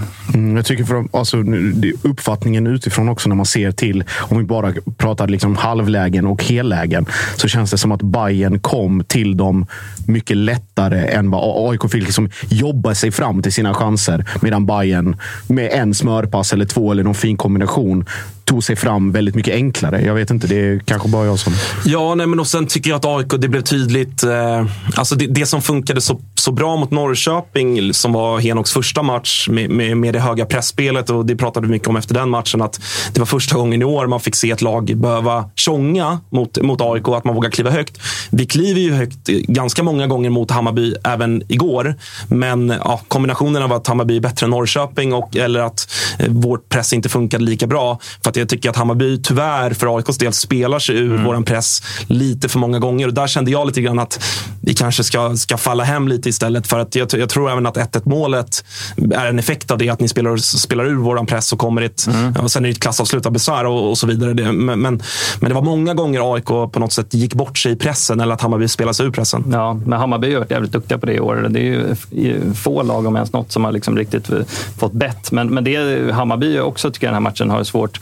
Eller vi, vi, med, med pressspelet. Alltså vi, vi vinner inte tillbaka bollen särskilt många gånger på offensiv planhalva som vi annars har gjort i, i många matcher. Utan eh, där, där slår ju å andra AIK undan rätt mycket. Framförallt i första halvlek så tycker jag att, eh, eh, att det känns som från AIKs sida så är det lite att man, man tjongar långt och, och ska tävla om andra bollar. Men, men Hammarby biter sig inte riktigt fast i, på offensiv planhalva och på så vis får bett i pressen. Men ja, nej, det är ett tillfälle där i, som, som AIK får bett i pressen. Det är ju när, när Davor... eh, Ja, den där offside-situationen. Ja, det är en offside-situation som... eh, Ja, vi behöver inte... Men, men där, är, där är också att, jag tycker, där ser man också att vi inte har en naturlig sexa. Det, det, det är ju normalt sett sexan som, som ska droppa ner där och ta emot bollen och vara, vara spelbar. Eh, och att man inte ska behöva spela ut på, på kanten på samma sätt som, eh, som Davor försöker med där ut till eh, Kurtulus eller om Sandberg. Men, så att det, det gjorde ju också att det blev lite stressat eh, på ett sätt som jag tycker inte normalt sett man ser. Utan Hammarby brukar hantera det väldigt bra i år. Det var ju en eh, situation man skrek sig galen av som AIK om inte annat. Det var ju en, en 2-0 där och då, då tror jag att eh, till och med AIKs kiosk 2022 är stängd eh, faktiskt. Men, men vi behöver inte fastna i det.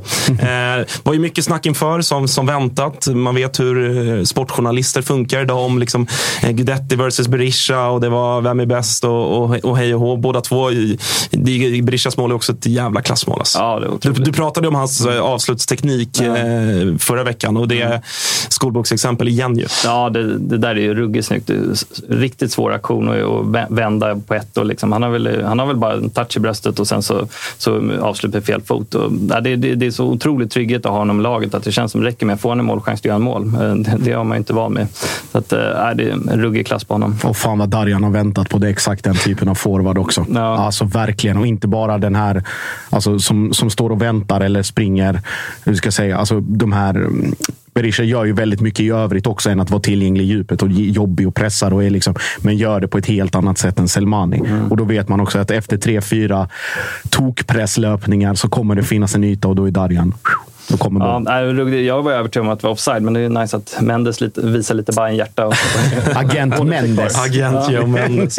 Ja, det var alltså för att det, på plats så kändes det ju verkligen som, eh, som Ja, att jag han var står- ganska tydligt offside. Ja, jag står ju helt fel för att se det, men det, det ser ju fan vad ren han var. Eh, Men eh, fin löpning av, av Berisha också, att springa sådär parallellt. eh. Ja, och där är väl, väl liksom, återigen ett, eh, ja, men ett tydligt bevis på hur liksom, att AIKs backlinje är fortfarande ganska nykomponerad och den är inte alls vad, vad den borde vara eh, när man har, alltså, vad jag vill hävda, vår bästa spelare i Alexander Milosevic saknas. Och det är eh, smärtsamt påtagligt igen, tyvärr. Eh, det är oklart, det är någon form av huvudskada som, som han har ådragit sig och gjorde ju 45 här och fick kliva av för att han blev yr och, och, och sådär. Eh, men han, han saknas eh, jäkligt mycket för, för AIKs del.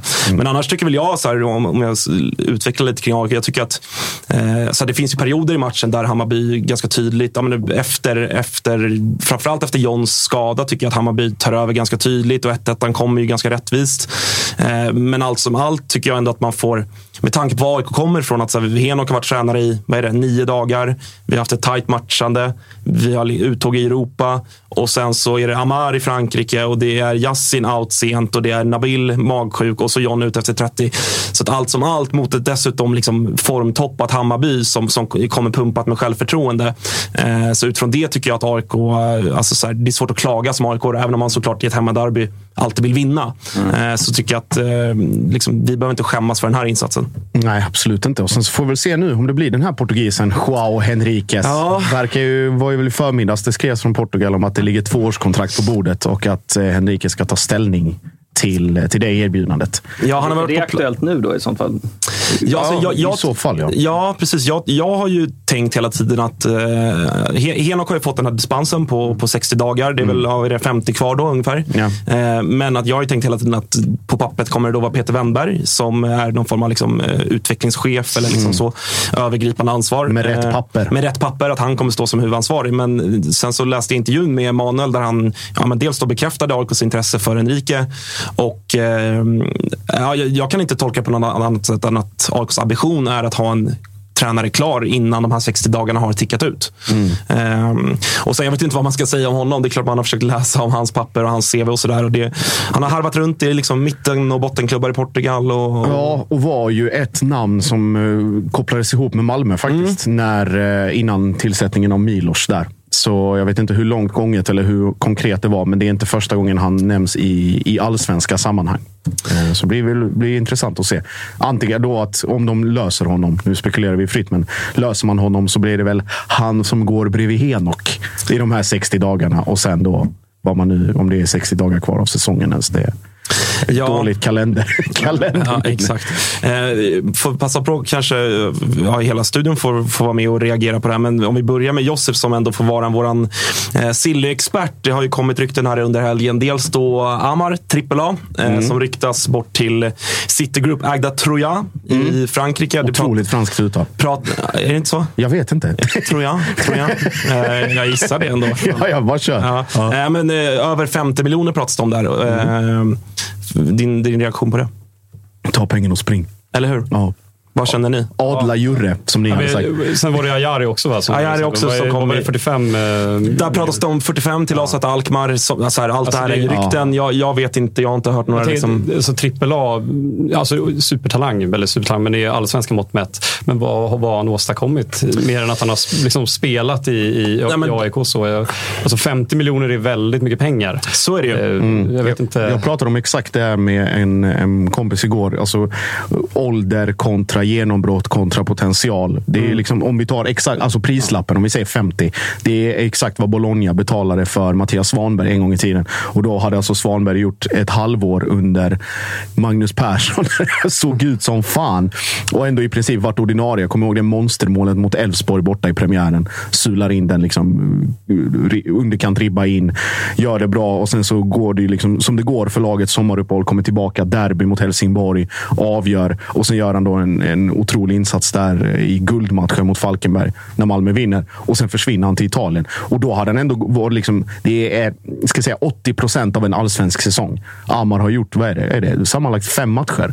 Och är dessutom mycket yngre och har en, en annan, det är en annan typ av spelare. Irra, irrationell, svårbedömd, eh, liksom, bra en mot en och Men det, det, är otrolig verkligen, teknik. det, är verkligen, alltså det kan vara en eh, vad säger man, hiss eller diss-spelare. Alltså det kan ju bli exakt hur som helst. Precis. De polare skrev Så- att Ber- Bergman Johannesson hade gjort 13 poäng som 17-åring när han lämnade. Och det var inte alls de här pengarna. Nej, Eh, precis. så, eh, Jag, jag tycker den värderingen känns, känns galen, men, men jag, är- jag är ju knappast objektiv. Å andra sidan så vet ju AIK vet ju var, eh, var, alltså att det finns kapital att hämta. Så det vet man att, att de, Citigroup är intresserade så kan man nog trycka upp priset lite. Så här, give or take. Alltså, Så är det ju. Eh, nej, men, och, ja, men exakt. Och det, och det är ju som vi, som vi varit inne på många gånger. Man, klubbarna värvar ju på potential. Eh, han är liksom ganska nyligen 18 fyllda. Eh, alla har ju sett höjden han har. Jag menar, han, målet han gör borta mot Degerfors. Eller, alltså, så här, vis- vissa aktioner han gör är ju på en nivå som är wow. Sen så är han ju fortsatt extremt ojämn och det, och det, det ser man ju om inte annat för att så här, det är inte så att han är tokgiven i AIK här och nu. Ett AIK som är okej.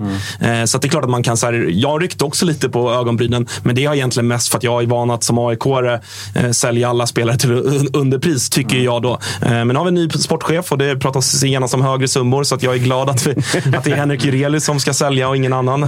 Så att det, det, det är bra på det sättet. Du som journalist, båda de här avslöjandena med Ajari och eh, Mm. kommer ju från liksom lite okända namn på, på silly, mm, silly-himlen. Ja, i alla, fall, i alla fall det ena är ganska nytt. Det är, inte- det är inte Disco Anel liksom. Nej, det är- precis. Vad, vad beror det på tror du? Ingen aning. Jag vet faktiskt inte. Det, ena, det, ena namnet... att det är de som avslöjar det. Ja, ja det är vi, för att vi är bortskämda med att just de två äger i princip den marknaden. Det ena, det som var i fallet... Eh, Amar är väl Linn Nordström? Ja, exakt. Det, det, det, det kommer. Det var ju till exempel Alexander Isak, detaljerna där. Det är samma, samma avsändare. Eh, sen är det ju eh, den tidigare podd, eh, som faktiskt kommer på onsdag tror jag. Martin Agassi som skriver om eh, Yasin Ayari. Så var det Så det är en ny aktör på, på den marknaden. Så, och, det, och det är alltid liksom när det kommer, när du eh, ska säga, spränger någonting för första gången. Mm. Det är alltid lite extra nervöst. Och fan, kommer det bli och stämmer det? Och ska man vara helt hundra och, och sådana för saker. jag, jag går ju och Ja. hoppas på att det här stämmer inte, för att det här är inte disco som avslöjar.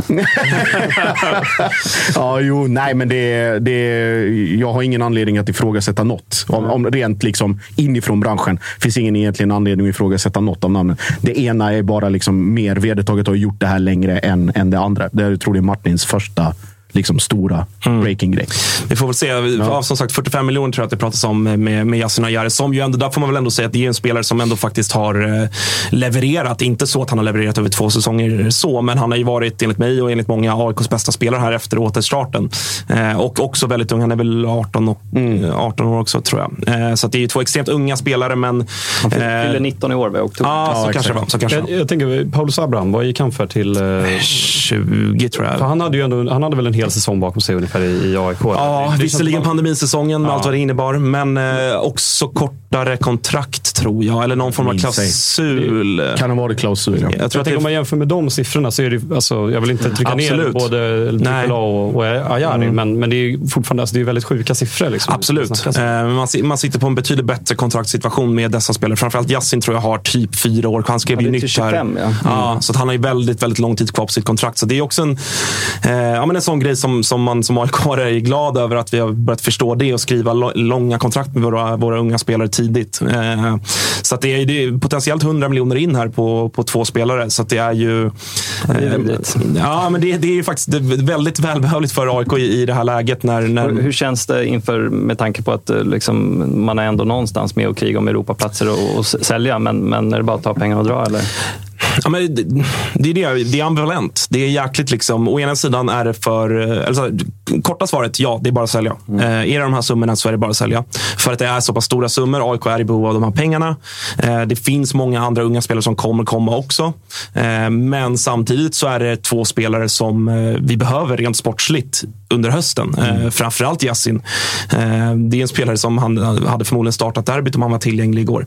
Mm. Eh, så att, eh, på det sättet tungt, men jag tror att eh, man också som aik måste förstå att vi, vi behöver nog sälja när det är de summorna. Sen om det visar sig att så här, nej, det är 20 miljoner för Yassin, då hoppas jag att man sitter, sitter lugnt i båten från AIKs håll och inte säljer. Eh, för då kan vi lika gärna ha kvar honom med tanke på att han just har så pass lång tid kvar på kontraktet. Du kan lätt höja det med en bra säsong till. Då är vi 10 Ja, men miljoner exakt. Fortsätter han i den här formen, då, då är det minst eh, 10-15 Missar man. Europa på grund av försäljningen så kostar det ett antal miljoner också. Så är det också, såklart. såklart. Ehm, så att, eh, ja, vi får, väl, eh, vi får se. Någonting annat vi vill tillägga kring derbyt? Vi har pratat om era tuffa scheman. Det här var ju liksom den första på Ja, de precis. fem matcherna. Ja, nej, det, det är väl skönt att man tar poängen, men jag tycker ju, sätter vi hela säsongen nu när vi mött AIK två gånger så, så känns det ju piss att vi bara tar två poäng. För jag tycker så som, som vi varit inne på, Hammarby är ett bättre lag i år. Eh, Det är bättre spelare och klaffar bättre spelet. Så jag tycker det, det känns trist att vi inte får möjlighet att möta AIK en gång till. För att jag hade verkligen gärna velat ta en trea. Och, och vårderbyt gör sig påmind också att vi leder 2-1, vi har en straff som vi bränner. Liksom. Alltså det, det är fortfarande som man får kallsvettningar och tänka på det. så att det, det, äh, det, det känns trist. Eh, Jag tycker att vi borde ha vunnit mot AIK någon gång i år. Eh, vi släpper derbyt hörni och går vidare mot eh, gårdagens sena match. En av dem i alla fall. Eh, Malmö FF mot Kalmar. Eh, om, om jag liksom får ställa samma fråga till dig som jag gjorde till mig själv, höll jag på att säga. Men min känsla är att AIK är borta från guldtåget. Ja. Malmö FF. Definitivt. Alltså totales. Det är bara att glömma. Och det lilla hopp, om det fanns något litet hopp innan den här matchen. Att så här, nu kommer liksom spelschema. Många viktiga matcher hemma mot, mot direkta toppkonkurrenter. Vi har ju både till exempel Djurgården och, och Bayern kvar på, på stadion och sen Häcken borta, Blåvitt borta. Så att det var väl de man, man blickade framåt mot. Och sen då Kalmar ska man med historiken och med eh, allting. Och man tänker, satt ju här och pratade om att ja, fan vad skönt och Europa och avklarat och nice och kan ena någonting och så ser det ut som det gör. Och så skapar man åtta 95-procentiga lägen och inte gör mål och lyckas Fredrik stå på huvudet återigen. Och Allsvenskans bästa målvakt. Ja, ja, och sen så står liksom Berget och Buya Turay får 400 lägen och gör inte mål. Och Zeidan står inte att känna igen. Och, det, ja, Var, varför, varför startade ni inte med Kiese Thelin? Var det... Sli, det, det hette slitage Ja, det- på eh, Kiese och på AC och på fan och hans moster som satt på Birman. den bänken. Birmancevic där. och sen Lomotey som inte har gjort en minut än. Jag vill är- Folk spekulerar i att det är eh, att det tar lite tid. Alltså, Georgssons förklaring är att det måste lära känna sina lagkamrater, har inte spelat på länge, kommer in och då blir det alltså det totalt motsatta från vad jag gjorde med Sibi. Istället, vissa, vi- vissa Svanemar antyder ju att den där skadan berodde på överbelastning och eh, tänker man att nu kan man kanske fasa in Lomotey lite mer med 5, 10, 15 minuter där och så får han inte ens liksom gå in och sen ser man Erdal Rakip bli inbytt och få magkatarr och sen så är det två felpassar rakt ut i tomma intet och sen blir det 1-0 och sen så. Jag var bara glad på ett sätt också innan du får ta över här eh, Albin. Att det blir, jag var bara glad att det inte var Bjärkebo eller Nanasi som petar in den för då hade den. Då hade Västerbron varit väldigt lättillgänglig kan jag säga. Men det var ju Bjärkebo som var på bortre stolpen, va? Han var på bortre. Men då jag tar jag- skrek ju till högt, Ja, jag då tar jag fan, eh, för de som inte vet, Bjärkebo kom alltså till Kalmar FF direkt värvad från MFFs U19. eh, och eh, då tar jag fan hellre ett självmål på Lasse Nilsson, för det, det räknar jag med. Ja, det hade varit helt sjukt om han hade avgjort. Det, det hade Det varit sned. po poetiskt eh, hemskt Ja, ja, såklart. för, Såklart. för Malmö. Såklart. Eh, Nej, men som du nämner, det, alltså, det är ju, eh, Kalmar är ju ingen mardrömsmotståndare för, för Malmö FF direkt. Det, jag Framförallt menar- inte hemma. Nej, nej, framförallt inte. Vi har väl inte vunnit där på 12 år eller vad? De drog Välkommen till klubben. Just det. 12 år! Hörru, kom tillbaka när vi snackar 30. Ja, just det. Ja, nej, men det, men det, jag tycker det är så sjukt och vi ställer upp i, vi har liksom två mittbackar i, i, i hela laget just nu och vi ställer upp med en, med en fembackslinje bara. Det är väl helt sinnessjukt också. Eh, tycker, alltså Malmö börjar ju, ni börjar ju jäkligt bra, men ni Ja. får ju inte in bollen och jag Nej. vet inte, Jo Inge Berget, vad han gör där på...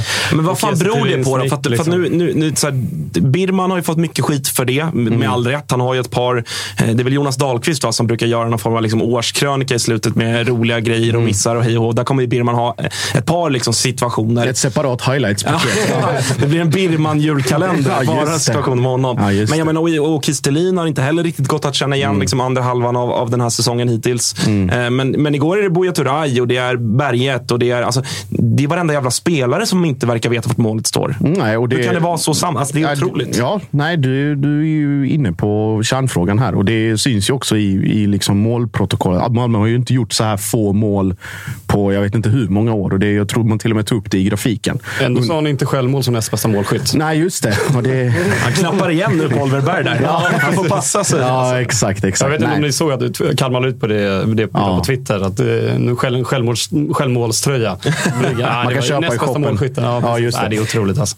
Nej, men du, du är inne på alltså, pudelns kärna här. Alltså, det är just att det har gått så pass i stå. Och att det aldrig har blivit liksom någon form av att någon annan har klivit fram. Det var det, Kiese Thelin var det tre matcher, allting ser skitbra ut i början och sen går han sönder och sen är han borta i princip hela våren. Stockholmsturnén kommer och där kan vi inte göra mål för fem öre.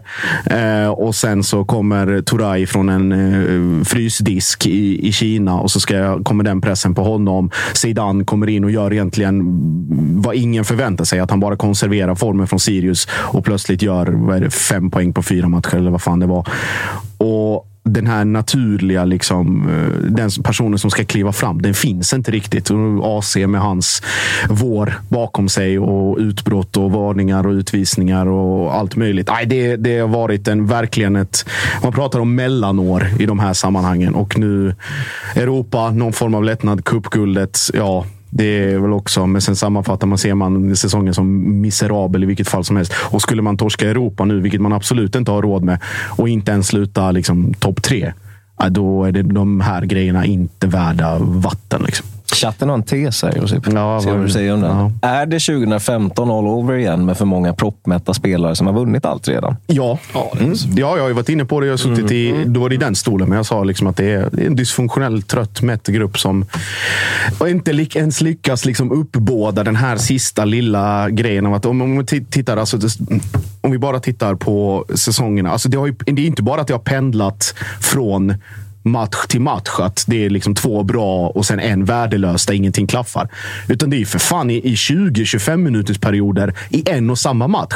Där allting ser skitbra ut i en kvart. Som mot Kalmar. Och sen bara faller det, faller det isär fullständigt. Eller mot eh, eller nu, de här dubbelmötet mot Sivaspor. Bara, oh, skitnice. Fan vad gött. Och nu, cyniskt och bra och smart spelat och allting klaffar. Och sen bara liksom faller ihop igen. Men jämför spelarna, alltså efteråt, vi pratade om det, Christiansen går ut och säger att, och Berget också, Mm. Ja, precis. att nu, nu, är- nu är guldet kört. Liksom. Ja. Alltså jämför de tongångarna och den retoriken med, med Kalmar FF efteråt, alltså spelarna där. Det är ju klart att alltså, Malmö FF ligger i ett ganska prekärt läge Mm. nu i ligan såklart och förväntningarna var ju extremt högt ställda på dem inför säsongen. Ja. Och Kalmar är nu en poäng efter. Och Blåvitt också. Ja, och Blåvitt Till också. Och Jockes stora glädje. Mjällby också. Liksom. Ja, exakt. Men, men, Ja. men det visar verkligen på, på, på hur spelartruppen, hur, alltså, vilken skillnad det är på Ja, men ja. ett lag i Mm. medvind, Kalmar FF som, som är någon slags underdog och, och, och Malmö FF då, då som, ja, men, ni ska ju ligga i toppen med den spelartruppen liksom, egentligen. Ja, och det, är, och det är alla de här grejerna som vi har pratat i tidigare avsnitt. Alltså det är, det är grupp, gruppmättnad, det är skadeproblematiken som satte sina spår liksom, och de har aldrig hämtade sig riktigt från den. Det är de här eh, värvningarna som inte har kommit in som man har trott, bortsett från Zeidan, att det inte har blivit den effekten som man trodde. Ceesay som redan börjar visa de här tendenserna till varför Svanemar sa att, man skulle, att det skulle bli en spelare man skulle koka på. Att det är bara tre, Snabbhet. 300 kilometer i timmen och sen ett inlägg som slutar i inkast. Eh, och sen eh, ja, och då Europa och sen alla, och så sparkar tränaren som om det är hans fel. Går och landar ett toppjobb i Röda Stjärnan två veckor efter att han fått sparken. Det är ändå otroligt. Ja, men, och, och då- är det så här, ja, men vems fel är det? Det är uppenbarligen inte Milos fel. Jag skulle absolut inte lägga det här på Andreas Georgsson heller. Alltså någonting. Utan det är till syvende och sist, det är de som ska, som ska prestera på planen. Och om man pratar om att det är liksom någon form av ledarskapsfråga. Att det är så här, ja men du som tränare eller du som klubbledning ska kunna motivera spelarna. Om inte ens den tillförordnade tränaren som är sportchef lyckas motivera de här spelarna. Då är det, bara, alltså det, det här, det här roadkill-djuret bara ligger och förblöder. Till omgång 30 och sen så är det Tror, liksom... tror du de missar Europa? Jag tror inte det. Jag tror inte det. Jag tror faktiskt inte det. Utan det, det, det, är liksom, det är det enda som finns kvar som någon form av Fyra målbild. poäng, fyra poäng upp till Djurgården som kan bli sju efter ikväll. Ja, Vinner Djurgården ikväll och det är sju pinnar upp. på nio matcher. Ja, Ja, och då har man, en, då har man ju... chans att ni tar ikapp det. Nej, då, men å andra sidan, vi pratade om spelschemat innan. jo. Åka till Göteborg, vinna där, bra statistik. Nu spelar statistik, jävla Kalmar, ingen roll. Men å, åka till Göteborg, förhoppningsvis vinna där. Man har Bayern och Djurgården hemma. Som kommer, alltså matcherna kommer leva lite sitt eget liv. Och sen då guldjagande Häcken också i omgång 28 eller vad fan det var. Så att det, det om man bara gör sitt jobb och går rent så ska man, men då ska det ju in ett jävla... er- Jävla. Ska in ett Europagruppspel och åka till Portugal och Tyskland och Belgien och allt vad fan man ska. Men om jag får vara lite sådär djävulens. Jag, jag köper Mm. också att jag, jag, tycker, jag tycker också mycket av det här ligger på, på spelargruppen. Jag tycker att det är för många som underpresterar. Det, jag tycker också att det, det är tydligt bara när man kollar på matcherna att det är många spelare som ja, men känns mätta och inte liksom Mm. bryr sig tillräckligt. Men man får väl ändå säga att så här, den otroligt sympatiska Andreas Georgsson, Mm. som jag tror är jätteduktig på sitt jobb. Men om man ska vara lite djävulens advokat. Han var ändå sportchef. Det är han som ändå har satt ihop truppen. Nu är han dessutom nere vid sidlinjen. Ja, halvt satt ihop. Han har gjort, Ja, de, halvt då, de, de men- här värvningarna under våren och sommaren är ju hans. Ja, men så här, okej, men så här då. Borde, borde inte han ha sett att den här truppen så här, det går ju att argumentera för att han borde ha sett att den här truppen Jag håller helt var med. mätt. Absolut. Att han borde ha gjort sig av med flera spelare tidigare. Så är det, är det Eh, någon slags... hur, alltså, så här, hur, hur lyder... Du har din åsikt klar, men hur lyder, om du ska försöka ta någon form av liksom generellt liksom, grepp kring det. Hur är folks inställning till Georgsson? Ja, det är väldigt tudelat. Alltså vissa, vissa vill ju liksom hänga den sportsliga ledningen ut på tork. Att det är liksom Kalnén och Daniel Andersson och Georgsson och alla som har suttit och, och liksom halvt, enligt deras då, eh, blick, vetat om det här och sett det och inte gjort någonting åt det. Att man liksom Milos till exempel skrek efter en sexa i januari och fick det inte. Och så räknar man väl inte med att Oskar Lewicki fortfarande så här åtta månader som det känns efter cupfinalen inte knappt är i träning. Och hela och liksom allt. Det är liksom lagen om alltings jävlighet på något sätt och har träffat fläkten deluxe. Så att det är väl, det är, det är väl ett delat ansvar. Men ja, nog prata om det. Vi ska prata om Kalmar. Ska vi prata om Kalmar? Eh, vi Ja, kan det prata om jag. Det Kalmar. tycker jag. Om Han vi har suttit tyst i 80 Ja. minuter. Fan. Vi ska, vi ska verkligen prata om Kalmar som, som fan fortsätter imponera. Och, ja, som sagt, vi hade med oss Rydström förra veckan och pratade mycket Kalmar även då. Men om vi börjar i, för det var det mycket snack och fokus på kring eh, i studion och, och, och från experterna och sådär. Kring den här fembackslinjen som ju ändå var nytt väl för den Ja. här säsongen. Ja, eh, det kändes ju verkligen som att Rydström hade verkligen anpassat sig för motståndet, vilket det känns ovanligt för Kalmar i år. Det känns som att ni har gått ut och kört er grej i varje match, men här känns det som att första gången att ni kollade mycket på motståndarna och vad, vad liksom de hade för svagheter och hur ni skulle slå dem, så att säga. Ja, jag reagerade på det också alltså, såklart. Alltså, det är ju, det är ju, och speciellt när man har, som jag nämnde innan, då, vi har två mittbackar. Alltså renodlade mittbackar. Vi får sätta in Olafsson som, som visserligen uppenbarligen kan spela mittback, eh, men, eh, men ja, sätta in honom i någon slags trebackslinje. Eh, förra Förra veckan så saknade vi också eh, Rasmus Sjöstedt och fick sätta ner Kalle Gustafsson. Eh, Så jag vet inte, det, jag, jag tror snarare det, det måste ju vara att vi har en oerhört bra struktur i laget som får det här att fungera på något sätt. Eh, och du nämner att alltså Rydström är ju inte en, spe, eller en tränare som, som kollar på, på vad motståndarlaget gör och kan, utan han, vi spelar ju vår egen fotboll. Liksom. En eh, po- possession-inriktad fotboll och, och, och passningsorienterad fotboll såklart. Men, men den här matchen, eh, alltså, ska jag vara helt ärlig, så det, vi har ju lite tur också såklart. Ni har ju en jäkla massa mm. 80-procentiga chanser eller vad du kallade det för tidigare. Men samtidigt så jag var nästan aldrig orolig. Liksom. Alltså det, det är bergets otroliga miss där som, som, som på något sätt fick mig att, att, att rycka till i soffan lite. Men i övrigt så, ja. En, en 0-0-match hade väl varit eh, det mest eh, rättvisa kanske, men, men så kommer ju vår extrema målskytt här. Då. Eh, Två mål. Självmålsking. Ja, Ja. precis. Ja, nej, men, och det är just att du nämner det, att, eller ni nämner att eh, Rydström för första gången skruvar på sin spelidé utifrån motståndet. Det säger ju också allting om hur lättscoutade MFF har blivit. Att det är så pass. Om du frångår dina principer i kanske, alltså säg topp tre svåraste bortamatcher under säsongen för att motståndet är så pass... Alltså, det går så dåligt för dem och de är lättscoutade och det är lätt att, att komma åt dem. Jag var ju, när jag såg startelvan, bara oh, Buya Turay i en, central, eh, i en central roll mot Lars Sätra som är långsammast i världen. Och vad, vad, vad betyder det? Ingenting. Ja, för att de låg rätt. För att Kalle Gustafsson hela tiden var spelbar. Romario svinvidrig som vanligt med att få med sig frisparkar. Liksom, nästa Magnus Eriksson-klass. Ja, här, de två "Åh, måste titta, vara- åh, där, skit", och, Ja. och så lägger jag mig. Och, och, Egen klass, de två att få med sig frisparkar. och det är, frukt, det är en otroligt bra egenskap att ha. Och Malmö går i fällan gång på gång på gång. Och då när det enda, liksom, det enda eh, återstående hotet, Mustafa Zeidan, offensivt, inte har sin dag alls.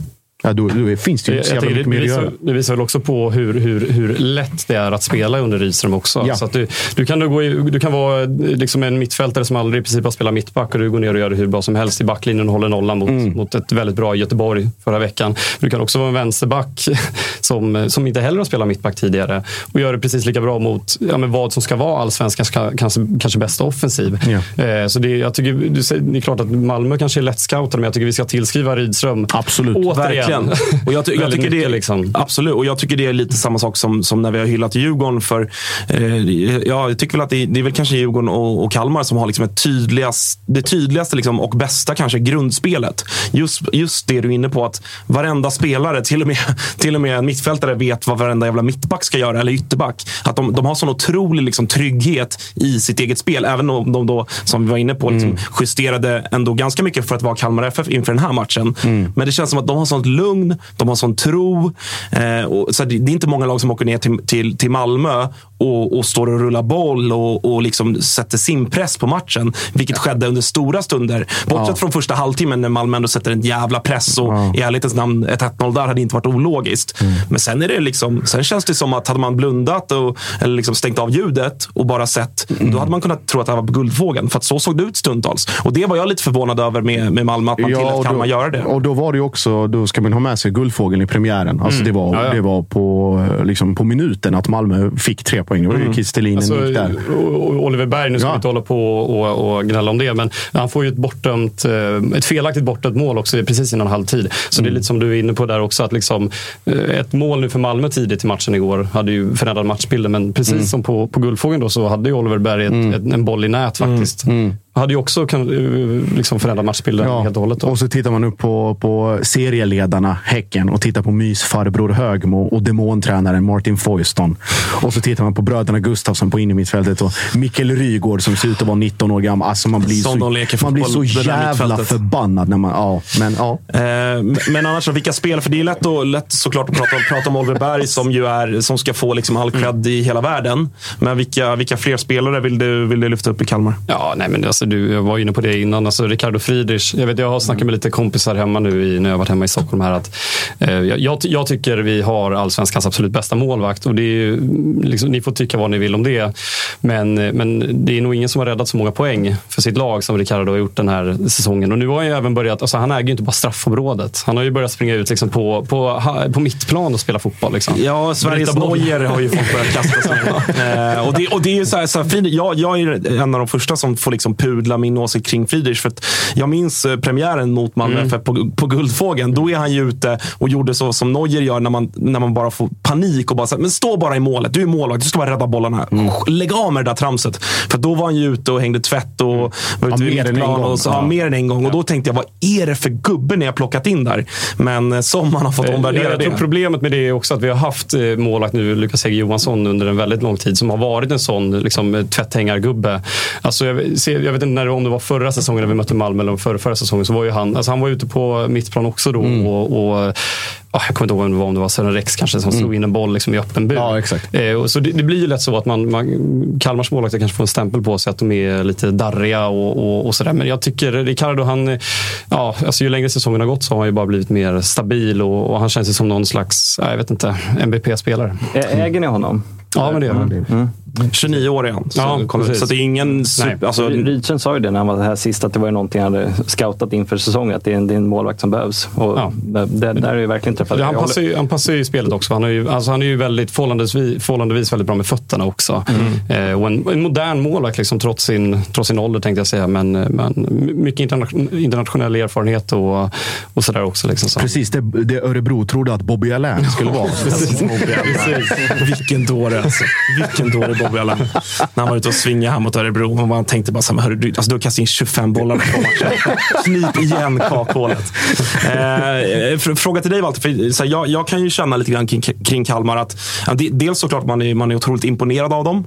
Men jag kan också lite grann känna att så om man kollar spelare för spelare. Det är ingen, det är ingen jättetrupp för, för att vara ärlig. Nu är ju Hammarby, liksom, framförallt nu kanske med Cifuentes, men ni, ni försöker spela en fotboll som ändå det går att dra paralleller. Men, men håller du med mig? För jag kan känna att så här, att inte fler av de stora topplagen som har en ekonomi och har en spelartrupp som är individuellt spelare för spelare betydligt högre än vad Kalmars är. Att inte fler lag lyckas spela... För att uppenbarligen går det att liksom nå jävligt bra resultat som Kalmar gör med den typen av fotboll. Och att då dessutom ha bra spelare på de positionerna. Förstår du vad jag menar? Ja, ja, absolut. Och det, det, min, du och jag, vi har bråkat om det tidigare här eh, inför förra, eller kring förra AIK-derbyt. Att jag tycker att om man har en ekonomi och eh, man har mycket hemmapublik så tycker jag att man ska spela en, en, en framåtlutad fotboll och driva spelet. Så där, det, det tycker jag att det, det anstår ett, liksom ett, ett, ett storlag att göra. Eh, Och jag tror skillnaden mellan Hammarby och Kalmar, för kritiken mot Kalmar har varit mycket att det inte gjort så mycket mål. Va? Eh, och där, där tror jag det, det helt enkelt kan beskrivas att skillnaden är att det är klass i Bayern på spelare och spelare.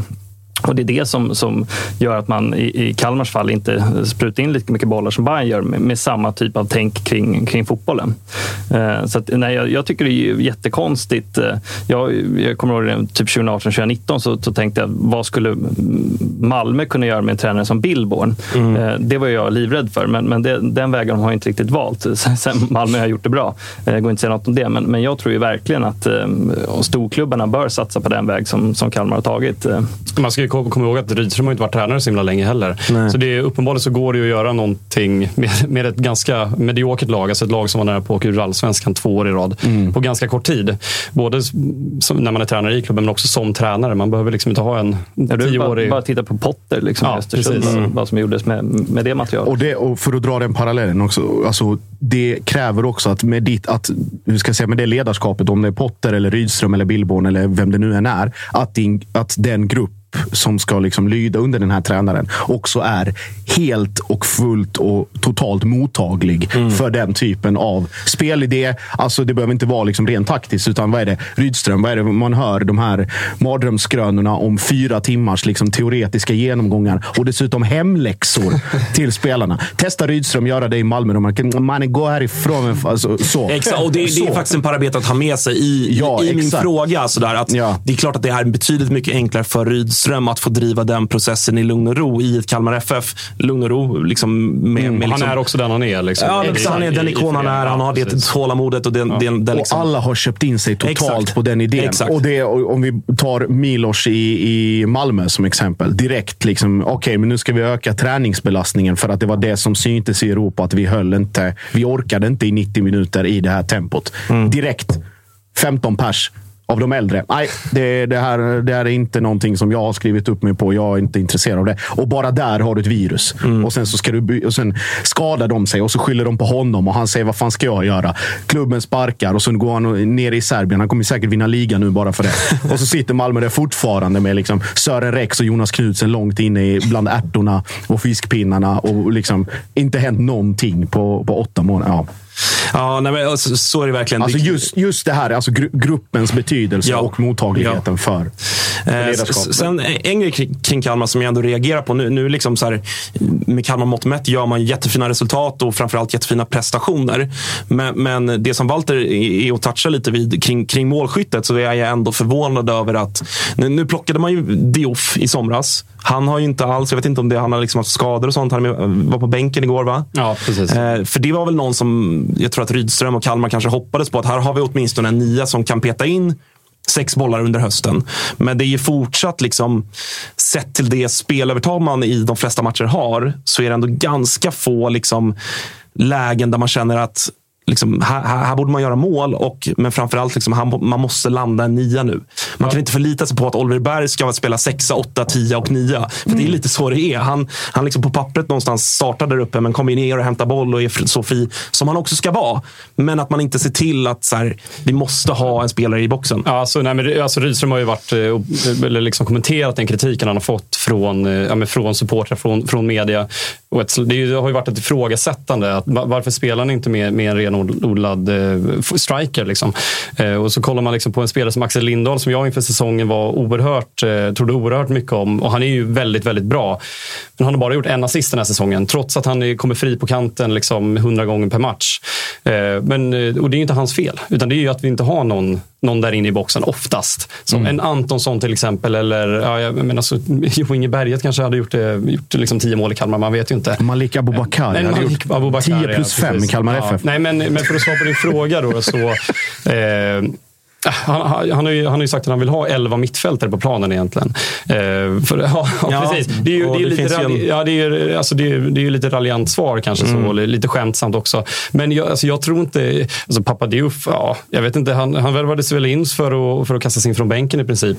Eh, när, när det kanske behövs. Men jag tror nog inte att vi kommer få se alltså, en renodlad eh, anfallare i, i startelvan på ett långt tag under Rydström. Det tror jag inte. Jag tror han är så nöjd med, med de här 1-0-segrarna. Så, så länge vi håller oss kvar i matchen så, så kan vi uppenbarligen alltid göra mål mot alla lag. Och det räcker med att göra ett mål om vi håller nollan hela tiden. Eh, och, och det är också lite raljerande sagt kanske, men, men då har vi en Pappa på bänken som ändå kan hoppa in. Liksom. Ja, eh, alltså, jag, det är ju liksom dumt att hålla på och klaga när man, om man har Kalmar FF-brillorna på. Eh, om man kollar på toppen här, då, Europaplatserna. Fem pinnar upp till Djurgården, som återigen då, det kan bli åtta ikväll. Men vad, hur ser du på sista tredjedelen? Ja, nej, men det är, jag har suttit och tänkt på det. Att det, hade man frågat en Malmö-supporter det så ja, men det är ju klart att Malmö har, fortfarande har chansen att, att ta Europaplatserna. Eh, frågar man en, en eh, Kalmar-supporter så är man ju lite mer pessimistiskt lagd. Liksom.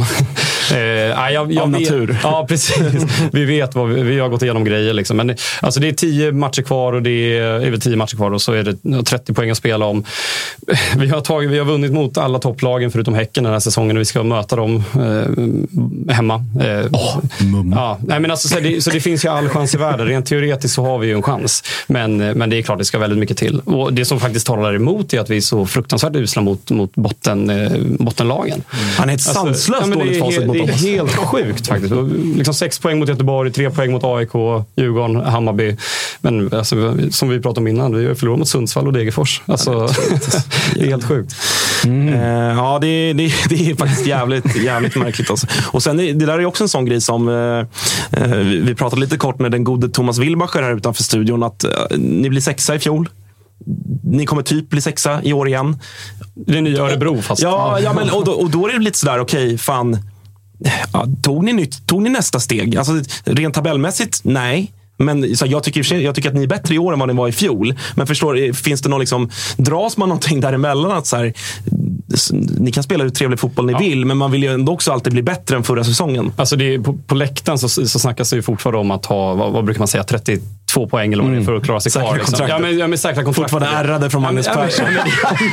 Ja, men alltså, det är verkligen så. Ja. Det är två år i rad liksom, där vi var ja, men, liksom en match ifrån att åka ur. Så, eh, men, men, men det frågar ju om vi har tagit steg och alltså, jag tycker det. Alltså, det eh, spelet ser ju förhållandevis väldigt bra ut mot topplagen som vi har haft väldigt svårt med uppenbarligen. Inte minst mot Malmö. Mm. Mot Alltså Elfsborg, att vi vinner mot dem och att vi vinner mot Djurgården den här säsongen, det är ju helt sjukt. Alltså mm. det, det, ska ju, det ska ju inte gå, tänkte jag säga, men uppenbarligen gör det. Eh, men, men det är en topp femma där uppe. Eller, alltså det, problemet är väl kanske inte att Kalmar är för dåliga, utan att det finns för många lag som är för bra helt enkelt och tar mm. lite för många vinster. Och Kalmar, ja. har, Kalmar har alla förutsättningar i världen ja. för att bli liksom precis, eller man ska kalla trött kategori best of the rest. Mm. Vi har ju ett par kandidater där. Sirius vill ju vara där. Norrköping ska mm. vara där, liksom, om man mm. bara tittar rent kvalitetsmässigt och historiskt och allting.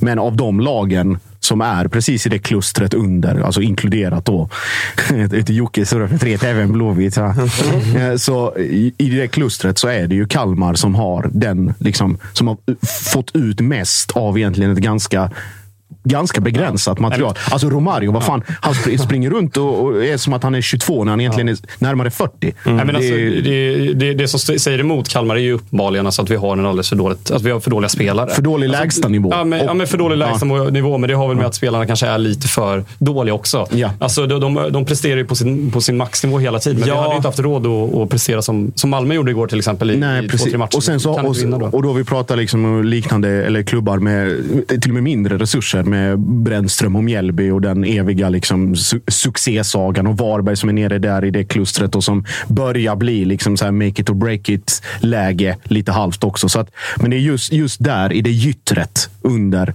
topp 5, topp 6 som det måste liksom utkristallisera sig ganska snart. Och som slu, alltså slutar Kalmar 6 7 det är... Det är jättebra. Det går inte att säga, någonting annat. Alltså, så här, det kanske bara är att inse att så här, oavsett hur bra grundspel man har och hur, hur bra prestationer man gör i enskilda matcher så, så länge det är liksom Sjöstedt och Sätra och Chamon och så. Inget ont om dem, men då kommer man inte hota de stora bjässarna. Lite känns det som att svensk fotboll någonstans har kommit dit.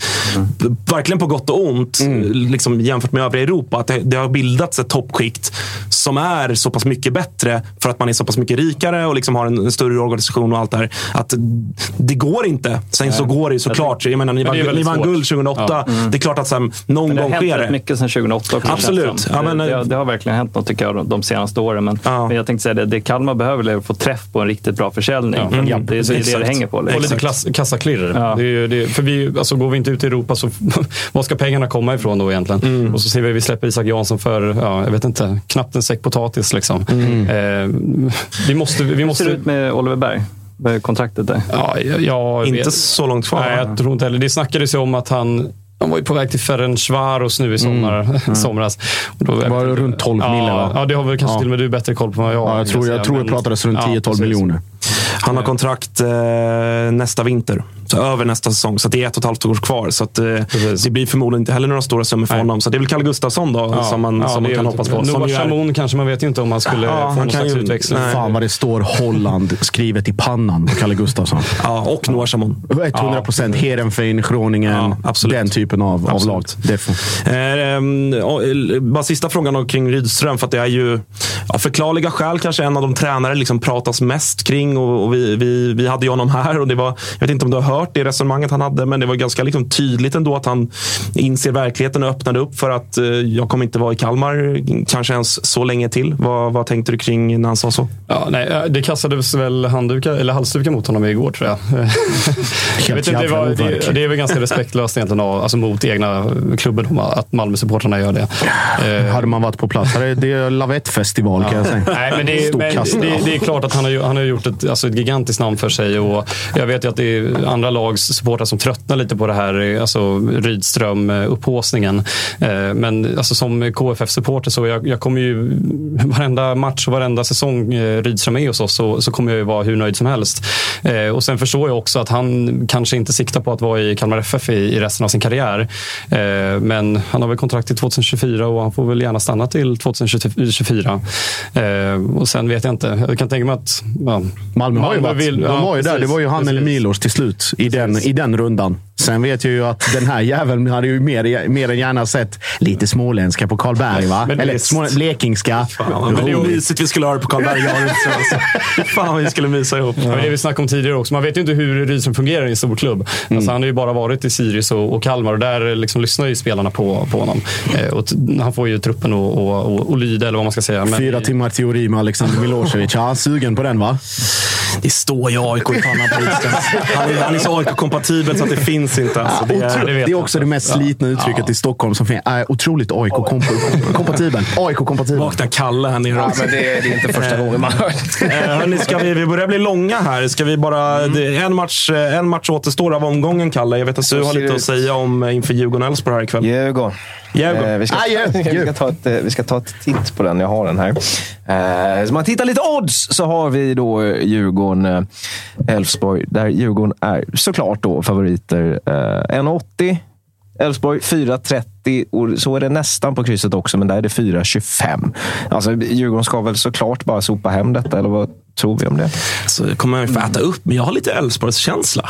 Ja, jag hoppas det. Eller hur? Det hoppas no alla one. på. Ja. Ja, men Det är oberäkneliga jävla Elfsborg såklart. Och Och jag- de kan ju åka, åka på pumpen med Vad var, det, 4-0. vad var det förra året här uppe? 3-0 till Elfsborg. Ja, nej, men så här, fan, de har ingenting att spela för. Rasmus Alm och de här mm, lirar för antingen nya kontrakt eller liksom utlandsflyttar. Och liksom ingen press, kan bara ligga på rulle. Mm. Djurgården, deras seger, eh, eller deras eh, förlustfria svit. Jag vet inte om man räknar den här Europamatchen borta på Cypern, om det är en förlust eller inte.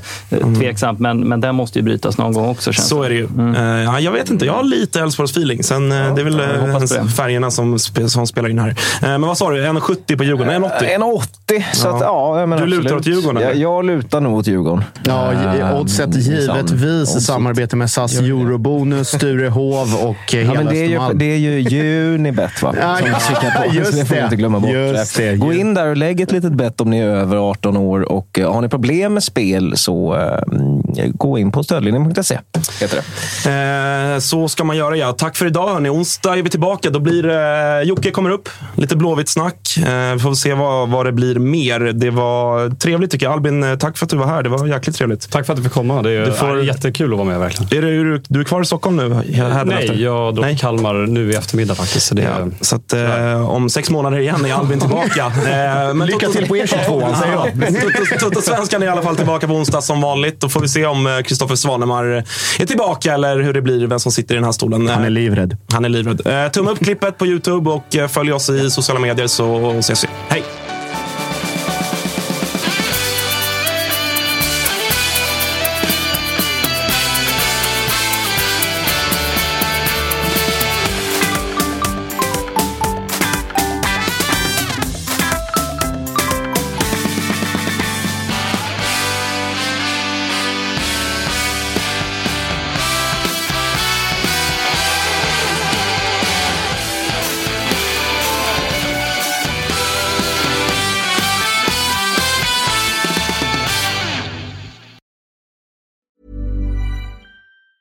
Planning for your next trip?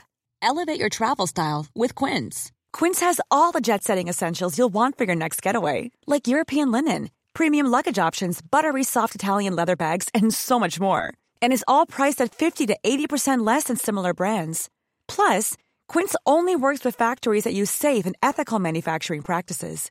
Pack your bags with high-quality essentials you'll be wearing for vacations to come with Quince. Go to quince.com slash pack for free shipping and 365-day returns. Mom deserves the best, and there's no better place to shop for Mother's Day than Whole Foods Market. They're your destination for unbeatable savings, from premium gifts to show-stopping flowers and irresistible desserts. Start by saving 33% with Prime on all body care and candles. Then get a 15-stem bunch of tulips for just $9.99 each with Prime. Round out Mom's menu with festive rosé, irresistible berry chantilly cake, and more special treats. Come celebrate Mother's Day at Whole Foods Market.